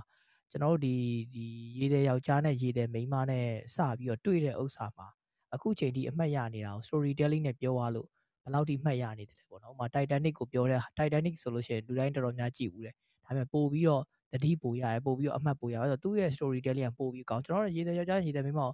ဒီစာလို့သင်ခဲ့ရတဲ့လူကတောင်းတောင်းမှတ်မိတယ်မရှိတော့အချက် detail တွေပါတိတ်မမှတ်မိတော့ဒါမျိုးတွေပေါ့နော်အကယ်၍ဒါ storytelling နဲ့တေချာပြောခဲ့ကြမယ်မှတ်မိမယ်ဆိုလို့ရှိရင်ဒါပို့ပြီးတော့ပို့ပြီးတော့မှတ်မိမယ်ပေါ့နော်အဲ့တော့ story ပို့ပြီးတော့လည်းမှတ်မိမယ်ပြီးတော့ take away ကိုလည်းရမယ်အခုချိန်မှာကျွန်တော်တို့ရေတဲ့ယောက်ျားနဲ့ရေတဲ့မိန်းမရဲ့ take away ကဘာလဲဆိုလို့ရှိရင်တော်တော်ပြန်စဉ်းစားယူရမယ့်အခြေအနေမျိုးပေါ့နော်ဒါပေမဲ့ခုနပြောသလိုပေါ့ Titanic ရဲ့ take away ကဘာလဲဆိုရင်တော့အများကြီးရှိမယ်ဗျဟာဒါအချင်းနဲ့ပတ်သက်ပြီးပြောတာတော့ဘာလို့အများကြီးအများကြီးရှိမှာပေါ့အဲ့တော့ storytelling မှာ take away ကိုပို့ပြီးတော့အာအားတာအောင်ပြောပြလို့ရတယ်အဲအဓိကဒါနဲ့ပဲသွားကြတာအဲ့တော့နေ့တိုင်းနေ့တိုင်း storytelling ကျွန်တော်တို့လုပ်နေရတာပဲ experience share ပြီးလုပ်ပြီးဆိုလို့ရှိရင်အော်ဒီမှာအနည်းဆုံးကျွန်တော်ဈေးရောက်ရုံးမှာဈေးရောက်ပြီဆိုလို့ရှိရင်တော့ okay ကျွန်တော်အရင်တော့လုပ်ခဲ့တဲ့ project မှာဆိုလို့ရှိရင်တော့အဲ तू ကဒီလိုမျိုးကိုမြင်တယ်အဲ तू မြင်တဲ့အပေါ်မှာ အဲ तू ကတက်သားတွေဘာတွေဒီလိုမျိုးမြင်တယ်ဈေးကြီးရဒီလိုမြင်တယ်အဲ့မြင်တဲ့အပေါ်မှာအဲကျွန်တော်ကအဲဗဒါတက်သားဆိုတော့ဘယ်လိုမျိုး investment investment ဖြစ်တဲ့ကြောင့်ကြာရှည်ခံတဲ့ဥစ္စာမျိုးဒီဇိုင်းမျိုးဘယ်လိုသွားမှာအဲ့လိုမျိုးသွားတဲ့ရှင်းပြတဲ့ပုံမူတည်ပြီး तू သဘောကျတယ်အဲ့ပေါ်မှာကျွန်တော် prototype တွေလုပ်တယ်လုပ်လုပ်ပြီးတဲ့နောက်မှာဒါကိုစမ်းသုံးကြည့်တယ်အဲ့နောက်ပိုင်းမှာသူ့ရဲ့ living lifestyle character ပို့ပြီးတော့ရှိလာတယ်နောက်ပြီးတော့တနေ့တနေ့ပို့ပြီးတော့အဲ furniture တွေနဲ့ interact လုပ်တဲ့ဥစ္စာသူ့တက်ပို့ပြီးတော့ meaningful ပို့ဖြစ်လာဆိုတဲ့ဥစ္စာကိုကျွန်တော်က story line အနေနဲ့ပြောပြတဲ့အတွက်ကြောင့်ဒီလူက သူ့ရဲ့မျက်လုံးထဲမှာဒါကို ambition ဖြစ်သွားပြီးတော့ तू ကမဝယ်ဘူးဆိုရင်တော့မှ तू ကသူများကိုပါသွားပြောလဲဆိုတော့ तू ပြောရ तू ပြောတဲ့စကားတွေအရင်ချစ်ဖို့ကောင်းဟာ blanca ကိုဝယ်တင်တယ်ဘာလို့ဆိုတော့ဒါ investment ပဲ तू ကျွန်တော်ကျွန်တော်ရဲ့ take away ကို तू လုံးဝရသွားတယ်ဒါ investment ပဲဒါ furniture ဆို investment ဆို तू ကိုယ်တိုင်မဝယ်ဖြစ်တာမှ तू တွေးသမျှလို့ तू အဲ့တိုင်းပြောတော့တယ်ကျွန်တော်ပြန်ကြားရတာပေါ့နော်ဆိုတော့ storytelling ကြောင့်သာ तू ကပြောတာ okay အဲ့လိုမျိုးသာ storytelling မပြောဘဲနဲ့ လန်ကာဝယ် investment investment ဆိုပြီးတော့ကျွန်တော်တိုက်ဆိုင်ပြန်ထပ်ပြောနေ तू မှတ်မိမှလည်းမဟုတ်နားလည်းမှလည်းမဟုတ်ပေါ့နော်အဲ့တော့ storytelling ပြောတဲ့အခါကြလို့ရှင် story ဆိုတာ all about conflict ပေါ့မှန်တိုင်းပြောလို့ရှိရင်ကျွန်တော်တို့က conflict တစ်ခုဖြစ်လာတယ်။ဒီမှာ yes အဲကျွန်တော်တို့ရဲ့ character ထဲမှာဒါကကျွန်တော်ကျွန်တော်ရဲ့ဆရာလက်ဦးဆရာရဲ့အဲသူ့ရဲ့ဟိုအာဘော်တွေလာပြီပေါ့နော်။သူတင်ထားတဲ့ဟာတွေတောက်လျှောက်ပေါ့။သူတင်ထားတဲ့တောက်လျှောက်ဟာတွေ Crystal ပေါ့။သူတင်ထားတဲ့ဟာတွေတောက်လျှောက်ကျွန်တော်ဒီမှာပြန်ပြီးတော့တစ်ချက်လောက်ပြန် share ပေးမယ်ပေါ့နော်။ ကိုလားပြေလည်းဒါတည်ပြီးသားဖြစ်မှာပါ။ဆိုတော့အဲ့တော့ဟို conflict ပေါ့ conflict ဖြစ်တဲ့အတွက်ကြောင့်ကျွန်တော်တို့ကအဲဥမာ character character ကိုယ့်ရဲ့ main character ဖြစ်ဖြစ်ဘာဖြစ်တခုခုကိုပြောချင်တာဟာဖြစ် obstacle ရှိလာပြီ challenges တွေရှိလာပြီအဲ့ဥစ္စာတွေကိုဘယ်လိုမျိုးကိုက finally မှာဖြည့်ရှင်းခဲ့တယ်လဲပေါ့အဲ့တော့ပုံမှန်အားဖြင့်ဒီ story ရဲ့ flow မှာ၃မျိုးရှိတယ်ပေါ့အဲကျွန်တော်တို့ကတော့အရင်တော့ဗျာ intro တို့ဒီဟိုဟိုဟိုဟာပေါ့စာဟိုစာ intro ပြီးလို့ရှိရင်ဒီ middle part လာပြီးလို့ရှိရင်ဒီ ending လာမယ်ပေါ့ဒီလိုမျိုးသွားကြဒါပေမဲ့တကယ်တကယ်ကကျတော့ဘယ်လိုလဲဆိုတော့အာသူပြောသူပြောပြသွားတာပေါ့နော်ဒီကောင်တော်တော်လေးကောင်းတယ်မှတ်မိဖို့လည်းလွယ်ဘာလဲဆိုတော့ပထမဆုံးတစ်ခုပထမဆုံး story flow က normal normal ပြီးလို့ရှိရင် explosion ပြီးလို့ရှိရင် new normal ပေါ့အဲဆိုလိုချင်တာက normal ဆိုတာကအခုလက်ရှိအခုကျွန်တော်ရဲ့ဒီ plan ကနဲ့ပဲဥမာပေးမယ်နော်ကြောညာတာတော့မဟုတ်ပါဆိုတော့ပထမဆုံး normal ကျတော့ကျွန်တော်တို့အခုလက်ရှိနေနေတဲ့အခါမှာကျွန်တော်နေ့တူကသုံးပြုတ်နေတဲ့ ဒီ furniture တွေမှာကျွန်တော်တို့ကဘာမှအဲဟိုဟို attachment လည်းမရှိဘူးဘာ character မှလည်းမရှိဘဲနဲ့ဖြစ်တယ်လို့တွေသုံးနေကြပြီးနေနေကြတဲ့ဟာမျိုးပေါ့နော်အဲ့တော့အကယ်၍အဲ့ဒါကိုမဟုတ်ဘဲနဲ့ဒီပေါ်မှာအတိုင်းအတာတစ်ခုဒီ invest ထည့်လိုက်မယ်အဲ့တော့ character ရှိလာတဲ့အိမ်ခန်းလေးမျိုးကိုကိုယ့်ရဲ့ personality ကို reflect ပြတဲ့နေရာမျိုးလေးဖြစ်ပြီဆိုလို့ရှိရင်ဒီဟာမှာကိုကိုတိုင်းလည်းပို့ပြီးတော့နေနေမယ်ကိုယ့်အိမ်ကိုလာတဲ့လူတွေကလည်းဒါကိုမြင်လိုက်တာနဲ့ကိုယ့်ရဲ့ personality ကိုယ့်ရဲ့ character ဒါမျိုးတွေတခါတည်းမြင်သွားမယ်အဲ့တော့အဲ့ဒါ explosion ဖြစ်သွားတာ ဒီ information တစ်ခုကိုကျွန်တော်ပေးလိုက်တာလောလောဆယ် normal ဖြစ်နေတဲ့သူ့ရဲ့ state ကိုကျွန်တော်ပြန်မအောင်ပြမယ်ပြီးလို့ရှိရင် explosion ဒီဟာလှုပ်လိုက်တဲ့ဖြစ်တဲ့အတွက်ကြောင့်ဘာဖြစ်သွားမလဲဘာတွေပြောင်းလဲသွားမယ်ဘယ်လိုမျိုးတွေတိုးတက်လာမယ်ဘာတွေအဆင်ပြေသွားမယ်ဘာတွေတော့အဆင်မပြေဘူးဖြစ်သွားမယ်အဲ့တော့ဒါ explosion အဲ့တော့ second floor အဲ့တော့ new normal အဲ့တော့ explosion ဖြစ်သွားအဲ့ခါကြလို့ရှိရင် new normal ကအခုနေအခုပြီးခဲ့တဲ့နေ့ကဒီ furniture မွေးခင်မှာနေတဲ့ lifestyle နဲ့အခုဒီ furniture ဝယ်ပြီးတော့ပြောင်းလဲလိုက်တဲ့ lifestyle အများကြီးပြောင်းလဲသွားမယ် အဲ့နေရထိုင်ရတဲ့ဥစ္စာကအစအိမ်အိမ်မှာပြန်လာနေခြင်းပဲစာအုပ်တွေထိုင်ဖတ်ခြင်းလာမယ်အဲ့လိုမျိုးတွေဖြစ်လာမယ်အဲကိုယ့်ရဲ့အိမ်မှာရှိနေတဲ့ function နဲ့ပို့ပြီးတော့ interaction ပို့ပြီးတော့ရှိလာပို့ပြီးတော့နီးနီးကပ်ကပ်ဖြစ်လာမယ်အဲ့တော့ new normal ပြောင်းသွားတယ်အဲ့တော့ normal ဘာမှဒီခုနကိုပြောချင်တဲ့ take away impact မရခင်မှာရှိနေတဲ့ lifestyle အခြေအနေမျိုးတစ်ခုပြီး explosion bomb ဆိုပြီးဖြစ်သွားမယ်အဲ့လိုမျိုးပြောင်းလဲသွားမယ်တစ်ခုခုအပြောင်းလဲကြုံသွားပြီး new normal ဖြစ်သွားမယ်အဲ့တော့အဲ့ new normal ကိုရောက်ဖို့အတွက်အဲ့ take away ရောက်ဖို့အတွက် story telling ကဒီလိုမျိုးသွားတာပေါ့နော်များသောအားဖြင့် ကျွန်တော်ရုပ်ရှင်ကားတွေရိုက်ပြီဆိုလို့ရှင်လည်းအဲကျွန်တော်ဆိုပါတော့ခုနဒီဟို Titanic ကိုပဲပြန်ပြီးတော့ဥမာပေးလိုက်မယ် normal က Jack ကသူ့ရဲ့ life ကဟိုလောင်းကစားလုပ်တယ်တဲ့မလားသွားတယ်အဲ့လိုအေးစစ်စစ်နေတယ်ပေါ့ပါနေတယ်အဲသူဒီမင်းသမီးနဲ့တွေ့တဲ့အခါမှာသူ fall in love ဖြစ်သွားတယ်ဒါ explosion ဖြစ်သွားတာပေါ့နော်ဖြစ်သွားပြီးပြီးတော့အာအဲ့ပါသူတို့ဒီတကယ် romance ဖြစ်တဲ့ဟာတွေ exciting ဖြစ်တဲ့ဟာတွေတောက်လျှောက်တောက်လျှောက်တောက်လျှောက်တောက်လျှောက်ရိုက်ပြတယ်အဲသူတို့မိဘတွေနဲ့ဘယ်လိုမျိုးတွေလုပ်တာ အဲတင်မောတွေမှာဘယ်လိုရှောက်ပြောတာပြီးလို့ရှိရင်ခုနဒီ ice pack နဲ့တိုက်ပြီးတော့တင်မောမှောက်တာဖြစ်တယ်အဲ့မှာခုနပြောတဲ့ explosion တွေစတိုက်လာတယ်ပြီးတော့နောက်ဆုံး new normal ကကြတော့သူတေဟို unfortunate ဖြစ်ပြီးတော့တေသွားတယ်ပေါ့နော်ရေမြုပ်ဟောဖြစ်သွားတယ်အဲ့တော့ကျန်ခဲ့တဲ့မင်းသမီးကဒီဟာကိုဆက်လက်ပြီးတော့သူသူကောင်းလေးမရှိတဲ့သူ life ကိုသူရှင်းတန်သွားတယ်အဲအဲ့လိုမျိုးဟာမျိုးလေးကိုပြသွားတယ်ပေါ့ဆိုတော့ဒါ story line အောင်ဒီလိုမျိုးပြသွားတာအဲ့တော့ကျွန်တော်တို့ကပြောချင်တဲ့စကားကိုပြောပြီးဆိုလို့ရှိရင်ဒီလိုဟာမျိုးပေါ့အခုကျွန်တော်တို့ဒီ room လောက်တဲ့အခါမှာလည်း ကျွန်တော်ပထမဆုံးစပြီးတော့ normal အနေနဲ့စပြောတယ်ကိုလာပြီးပြောလို့ပဲ okay ဘာတွေဘာလို့ fright ဖြစ်တာလဲဘာလို့ stage fright ဖြစ်တာလဲဘာလို့အဲဒီလိုအခက်အခဲတွေကြုံနေလက်ရှိအခက်အခဲကြုံနေရတာဘာတွေလဲဆိုတော့ကျွန်တော်တို့ဒီလို normal ပြီးတော့ explosion ကျွန်တော်တို့ပြောချင်တဲ့ဒီဟာမျိုးတော့လုပ်လို့တော့ရတယ်ဒီဟာမျိုးတွေလုပ်လိုက်တဲ့အခါကျရင်တော့ဒီလိုတော့ပြောင်းလဲသွားနိုင်တယ်ခုနကလာပြီးပြောလို့ပဲအရင်ကြီးကို perfect ဖြစ်ဖို့မကြိုးစားနဲ့အဲကျွန်တော်ပြောလို့ပဲ focus လုပ်တဲ့ဟာတွေပြောင်းအဲအဲ့တော့ဒါတွေက explosion ဖြစ်သွားပြီပြီးသွားတဲ့အခါမှာလာမဲ့ new normal က ဒါရဲ့ take away ကျွန်တော်တို့ကဒီတွေကလူတွေအကုန်လုံး invite လုပ်ကြည့်မယ်အဲတက်ပြီးတော့ပြောကြည့်ကြမယ်ဒါမှမဟုတ်လို့ရှင်လည်းဒီလူတွေဒီတွေကလူတွေကဒီက take away တစ်ခုရောက်သွားဆိုရှင်တို့ရဲ့အိမ်မှာပဲဖြစ်ဖြစ်တခြားနေရာမှာပဲဖြစ်ဖြစ် public speaking လုပ်တဲ့အခါကြလို့ရှင်ကျွန်တော်တို့ဒီ room ကိုနားမထောင်ခင်နဲ့နားထောင်ပြီးတဲ့အခါနဲ့တိုင်းတာတစ်ခုထိကွာသွားမယ်အဲဒါကကျွန်တော်အဲဒါကြောင့်ဒီ storytelling ဆိုတာဒီ flow အနေနဲ့သွားတာပေါ့နော်ဟုတ်ကဲ့ပါကိုလာပြီ ဟုတ်ကဲ့ပါဆို share ပြီးတော့ကျေးဇူးအများကြီးအများကြီးအများကြီးအများကြီးတင်ပါတယ်ဆိုမှတ်ပါတယ်ဆို new normal နောက်ဆုံး stage ကိုရောက်သွားဖို့အတွက်လည်းကျွန်တော် storyteller တွေ public speaking လုပ်တဲ့လူတွေကအများတန်းစူးစမ်းနေရတာပါဆို code ကလေးနဲ့ပြောမယ်ဆိုလို့ရှိရင်တော့ once you seen ပေါ့မြင်ပြီးသွားလို့ရှိရင်ပြန်မမြင်လို့တော့မရတော့ဘူးပေါ့နော်ဆိုကျွန်တော်တို့ဒီနေ့ကတချို့ဟာတွေ explore လုပ်ပြီးသွားလို့ point out လုပ်ပြလိုက်ပြီဆိုလို့ရှိရင်မြင်သွားပြီဆိုလို့ရှိရင်ပြန်ပြီးတော့မမြင်လို့မရတော့ဘူးကျွန်တော်အုံနောက်မှာပြန်ဖြတ်လို့ရတဲ့ delete ဆိုတဲ့ function ကမပါဘူးဆိုတော့ကျွန်တော်သိပြီးသွားပြီဆိုလို့ရှိရင်ပြန်ပြီးမသိဘူးလို့လို့မရတော့ဘူးပေါ့မှန်ပါတယ်ကျွန်တော်တို့ conflict တစ်ခုခုတော့အမြဲတမ်းလိုတယ်ဒါကြောင့်မလို့ ကျွန်တော်ဆက်သွားခြင်းမှာဘာကြောင့်မလို့ကြောက်လဲဘာညာနဲ့စသဖြင့်ဒီလိုမျိုးလေးပြောခဲ့တာပေါ့နော်ဆိုကျွန်တော်တို့ room လေးစလာတာတော့ဆိုနိုင်ဘွက်ကြော်ကြားလာပြီဆိုတော့ room လေးကိုတစ်ခါ reset လုပ်လိုက်ပါမယ်ဆိုဒီနေ့ကတော့ public speaking အကြောင်းကိုကျွန်တော်တို့ပြောနေတာဖြစ်ပါတယ်ခင်ဗျာဆို public speaking မှာဘာတွေက fear ဖြစ်နေလဲဆိုတဲ့အကြောင်းလေးကိုပထမပိုင်းမှာကျွန်တော်တို့အမီးအနေနဲ့ကြွေးသွားပြီးတော့ tips အနေနဲ့ကျွန်တော်တို့လောလောဆယ်မှာတော့3ခုလောက်ပြီးခဲ့ပါတယ်ကျွန်တော်လည်းကိုဝနာဆိုတဲ့200ပေါင်3ခုလောက်တော့ပြီးခဲ့ပြီးသွားပါပြီ so ဒီအောက်မှာလည်းအာကျွန်တော်တို့ hands up လုပ်ထားတဲ့မှာကိုမင်းစော်ရှိပါတယ်ကိုမင်းစော်တကယ်လို့များစကားပြောလို့အဆင်ပြေတယ်ဆိုလို့ရှိရင် stage 4လာ join လို့ရပါတယ်ခင်ဗျာသူလည်းအာ academic ဘိုင်းอ่ะဆိုတော့ maybe သူလည်း public speaking တွေအများကြီးပြောဖို့ပါလိမ့်မယ်ဆိုဒီရဲ့ experience ကို share ချင်လို့နေပါလိမ့်မယ် so hands up လုပ်ထားတာတွေ့ပါတယ်အဆင်ပြေတဲ့အချိန် stage 4လာ join လို့ရပါပြီခင်ဗျာ hello ကိုလာနာကိုလာပြေမင်္ဂလာပါဟိုကနမဟုတ်ကိုလာကိုလာပြေပြောနေဟို introvert တယောက်အနေနဲ့ဟို တခါလေကြာရင် energy drain ဖြစ်တယ်ဆိုတာပေါ့နော်အဲဒီဟာမျိုးကြတော့ကျွန်တော်ဒီ scientific conference ဒီမှာပို့ပြီးတော့ဂျုံရတယ်ပေါ့ကျွန်တော်ကြတော့ဒီသက်ဆက်ခွန်ဆက်ဆက်ခွန်လောက်မှာ university ပြီးသွားတဲ့ပြီးသွားအလေကာလမှာပေါ့နော် supervisor ကောင်းတဲ့တွေ့ရတာကြတော့လို့ paper တွေ publish ဖြစ်နေပြီးတော့ကျွန်တော် conference တွေအရင်သွားရတယ်ပေါ့နော်သွားပထမဆုံး conference ကလို့အာကျွန်တော်ကျွန်တော်ဘဝမှာပထမဆုံး conference ကထိုင်းနိုင်ငံအဲ့ဒီ Queen Theory တုံး ဆိုပြီးတော့ဒီ Queen ရဲ့အပြင်မိုင်းတီးတုံး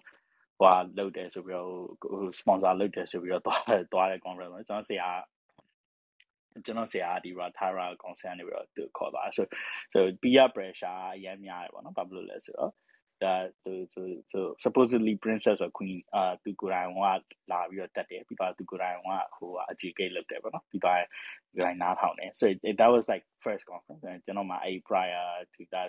ဟိုမရှိပေါ့နော်ပြီးတော့ science conference ဆိုတာအရင်တယောက်နဲ့တယောက်ဒီ science ဘက်ကလူတွေအရင်အဆက်ခွဲတာအရင်ဝါနာပါတယ်ပေါ့နော်စင်ဝတက်ပါပြီဆိုရင် bubble စတာတော့ peer review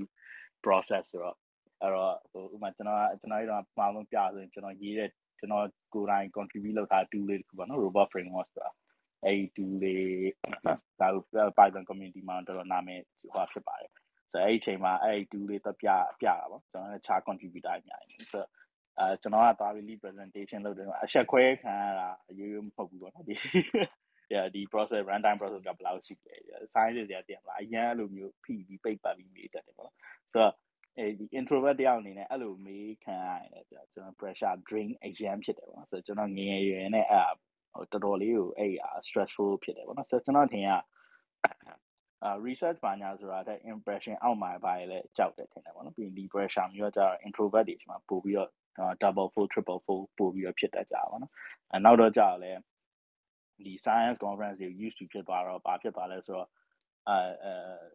အော်ငါတို့ ဒီ peer review process မှာ judge လုပ်တာမဟုတ်ပါဘူးပေါ့နော်လူတွေက constructive criticism အာပေးတာမျိုးလည်းရှိရပေါ့နော်သူတို့က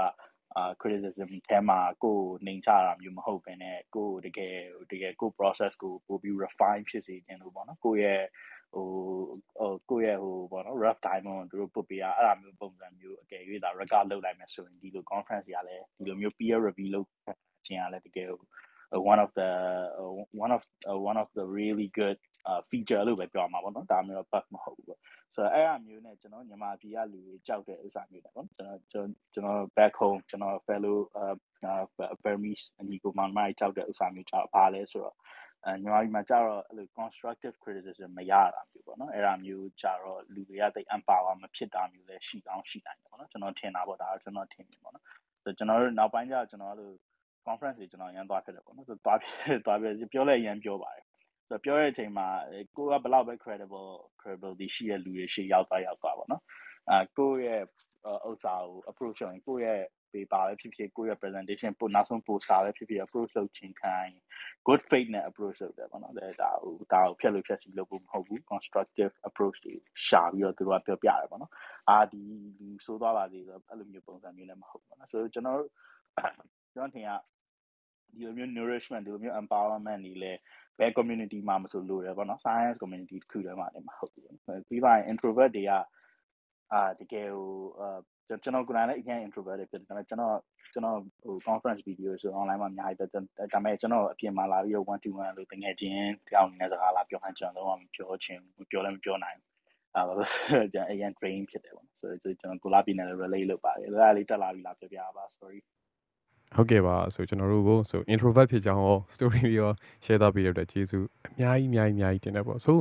အာကိုမင်းစော်အနေနဲ့ဒါတွေကိုကြော်ဖြတ်ခဲ့ပြီးသွားပြီဆိုတော့တကယ်လို့များအခုဒီနားထောင်နေတဲ့အချိန်မှာကျွန်တော်တို့လိုပဲ introvert တွေရှိခဲ့မယ်ဆိုလို့ရှိရင်ကိုမင်းစော်အနေနဲ့ tip တစ်ခုပေးလို့ရမယ်ဆိုလို့ရှိရင်အဲ့ tip ကဘယ်တစ်ခုများဖြစ်မလဲဗျ public speaking တွေတိတ်မကြောက်တော့အောင်ပေါ့အာကျွန်တော် introvert တွေမှာ I am စဉ်းစားတစ်ခုရှိရယ် it's like ah people are thinking about me that usually ကျွန်တော်ကျွန်တော်တွေ့တာတော့ပေါ့လားကျွန်တော် people are not usually thinking about you they're thinking about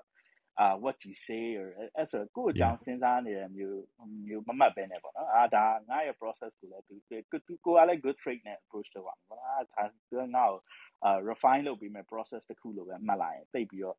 ဟိုတိတ်ပြီးတော့ကြောက်စရာမကောင်းတော့ဘူးပေါ့နော်အဲနောက်ထပ်ဟိုနောက်ထပ် strategy လည်းရှိမှာပါဟို baked potato တို့ဒါမှမဟုတ်ရင်အကုန်လုံး naked ကောင်းထဲမှာမြင်အောင်လုပ်ပြပါတယ်အဲ့ strategy တွေလည်းကျွန်တော်တို့ work ဖြစ်တယ်အဲနောက်ပိုင်းကျတော့ကျွန်တော်ကဘာဘာလုပ်လိုက်လဲဆိုတော့ကျွန်တော် process အကုန်လုံးကျွန်တော်ဟိုကို research ပေါ်မှာပဲမူတည်လိုက်တယ်ပေါ့နော်ဒါ this is purely subjective ပေါ့နော်ကျွန်တော်အတွက် subjective ပဲကျွန်တော် science လုပ်တယ်လို့ဆိုတော့ကျွန်တော်အတွက်ဘာအဆင်ပြေလဲဆိုတော့ကိုလုပ်တဲ့ subject ကိုအကုန်သိအောင်လုပ်သွားလိုက်တဲ့အခါကျတော့ကိုဘာမေးမေး သူက okay you know this is within my bound ဒါပေမဲ့ကျွန်တော်တို့ရှိမှလည်းရှောင်းတဲ့အကွက်တွေရှိရပါတော့အကွက်အကျယ်အရန်မေးရအရန်များလာပြီဆိုရင် this is out of scope ဆိုပြီးတော့ကျွန်တော်ပြန်ပြောလိုက်တယ်ဆိုတော့အဲ့ဒါဟာတာရန်ရှိရပါတော့ academic community မှာ this is out of scope of my research ဆိုရတယ်ရှောင်းလိုက်လို့ရတဲ့အကွက်လေးရှိရပါတော့အဲ့ဒါလေးလည်းတစ်ခါကြာရင်လို့တယ်ဘာဖြစ်လို့ဆိုတော့ audience တွေပါအဲ့မှာအဲ့လို rogue audience ဆိုတာရှိရပါတော့ကိုယ်မတမာရဲ့စိတ်နဲ့လာပြီးတော့ဒုက္ခလာပေးတာ ကိုလောက်ရှက်လာပေးတာအဲ့လိုမျိုးမေးတဲ့မေးခွန်းတွေမေးတယ်တခါလေးကြာရင်ဟိုမှာဘာဖြစ်လို့ Python အကြောင်းပြောနေတဲ့အချိန်ဘာဖြစ်လို့မင်းက Java runtime မသုံးတာဘာဖြစ်လို့မသုံးတာလဲဆိုတာ Python conference လို့ Python နဲ့လာပြတာ right so out of scope of my research တခါလေးပြောထည့်လိုက်ဘာမှပြန်ပြောအဲ့လိုမျိုးတခါလေးကိုကောင်းထဲမှာလည်းကို strategy တွေဆင်သွားရမယ်ပေါ့နော်အဲ runtime ဒီထက်ကောင်းအောင်ဘယ်လိုလုပ်ရမလဲဆိုရင်ဒါ okay ဒါ constructive approach မင်းကဘာဖြစ်လို့ Java ကိုမသုံးတာအတင်းလာမီးနေဆိုရင်တော့ဒါတမင်တကာဆိုရွေ့ရဖြစ်လာပြီး Python conference ကလည်းဆိုတော့အဲ့ခဏခဏကြုံပြီးရပါတော့အဲ့လိုမျိုးလေကိုကတခါတည်းကြိုစဉ်းစားပါ public speaking လုပ်မဲ့ scenario မှာ okay ငါ့ကိုဘယ်လိုမျိုးအဲ့လိုမတမားလူရှင်ဘယ်လိုမျိုးဟောလုပ်နိုင်ငါဒါကိုဘယ်လိုမျိုးချက်ပါ so so just a handy tip ပေါ့နော်ကိုမှကို strategy လေးကိုကောင်းမှစဉ်းစားပါပေါ့နော်နောက်ဆုံးဟို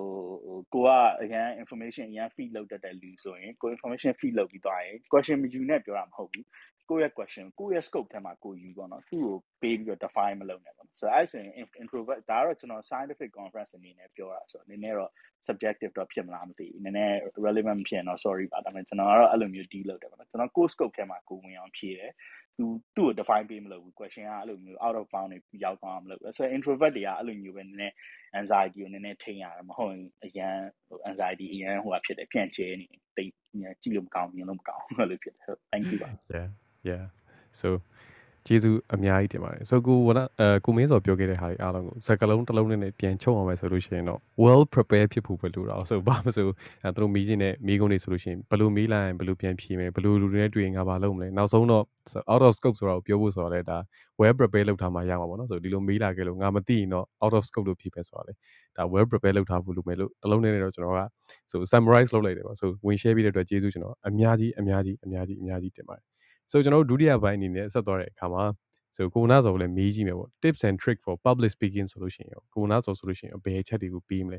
လုံးဝကြောက်တဲ့လူအနေနဲ့ကိုနာဆိုတာ empathize လုပ်ပြီးတော့ပေါ့ကိုနာဆိုမကြောက်ဘူးဆိုတော့ empathize လုပ်ပြီးတော့ပြောရမယ်ဆိုလို့ရှိရင်အဲ tips and trick လေးတွေကဘာလေးတွေဖြစ်မလဲဗျ yeah အာကြောက်တဲ့လူအတွက်ဆိုလို့ရှင်တော့ပထမဆုံးတစ်ချက်ကဒါ practice practice နဲ့ research ပေါ့ဒါကိုတော့ကျွန်တော်ပေးခြင်းတယ်ဒီကြောက်တဲ့ကိုကို fear တွေ overcome လုပ်တဲ့နည်းကဒါတော်တော်များများရှိပါတယ်ကျွန်တော်တို့လည်းအများကြီး research လုပ်ရမှာ fear of height ကိုကြောက်တာဆိုလို့ရှိရင်အဲကြောက်တဲ့အမြင့်ကိုပဲတက်သွားကြည့်လိုက်တာတော့ပါတော့ပေါ့နော်။အဲဆို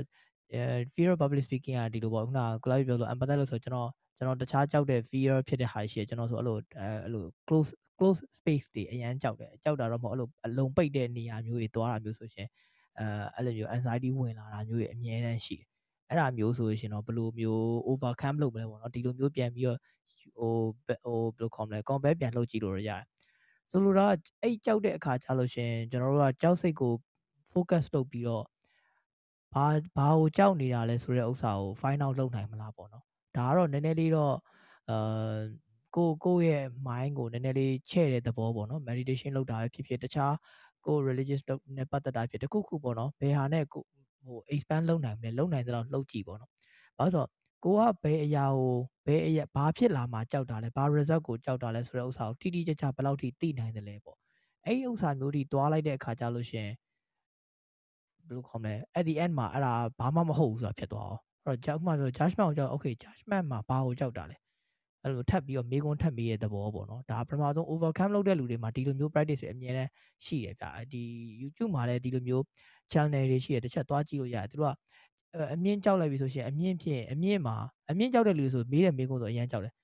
ပြုတ်ကြမှာကိုကြောက်တာလားဒါမှမဟုတ်လို့ဘာကိုကြောက်တာလဲပေါ့အမြင့်အမြင့်ရောက်သွားတဲ့အခါကျအဲ့အမြင့်မော်နေပြုတ်ကြမှာကို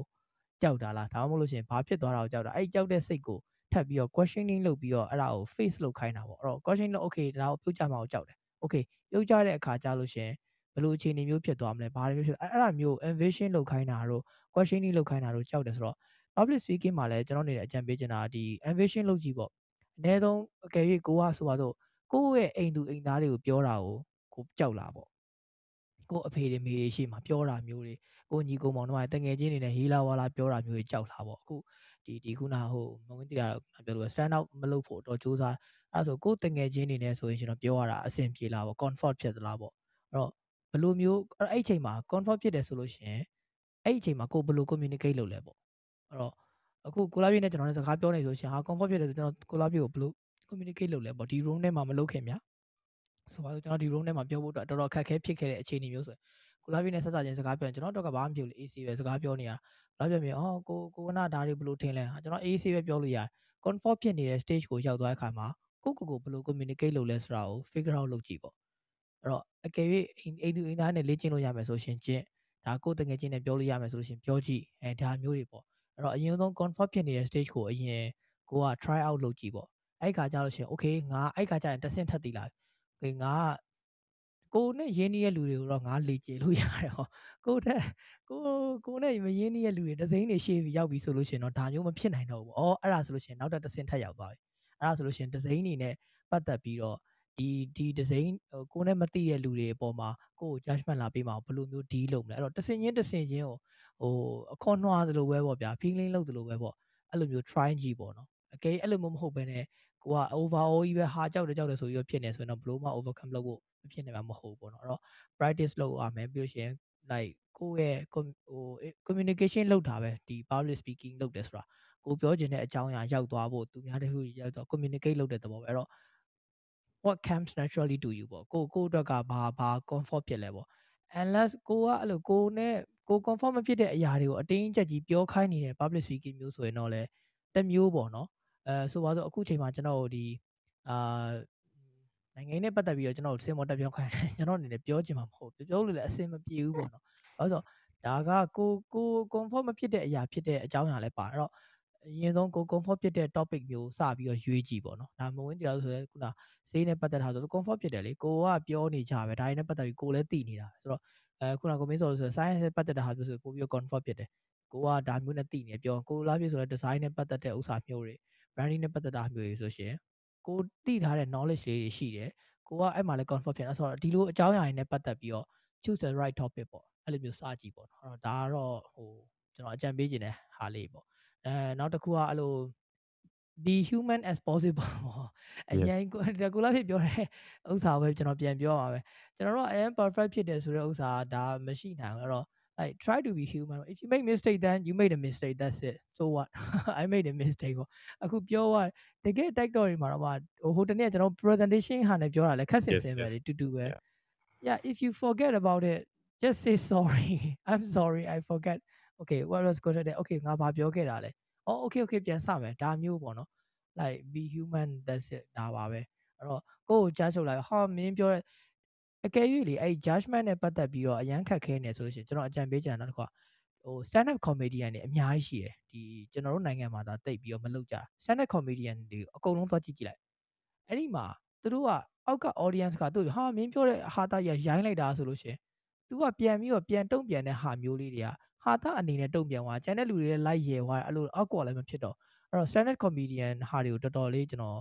အကြံပေးတယ်သွားကြည့်စေချင်တယ်အဲ့ judgment တွေ stage fright နဲ့ပတ်သက်ပြီးသူတို့မိကုန်းတွေပြန်ပြီးတဲ့အခါမှာသူတို့ဘယ်လိုပြန်ပြီးတော့တုံ့ပြန် response ပြန်လုပ်လဲပေါ့နော်ဒါမျိုးလေးတွေအဲ့တော့အဲ့ဒါလေးတခုက tips တခုထဲမှာကောင်းမယ်ထင်ပါကျွန်တော်ဟိုကိုလာပြဘယ်လိုမြင်လဲတော့မသိဘူး yeah ဆိုတော့အရန်တန်ဖိုးရှိတဲ့အရာလေးတခုပါဆိုဒါလေးကိုထည့်ပြီးပြောသွားတဲ့အတွက်လည်းကျေးဇူး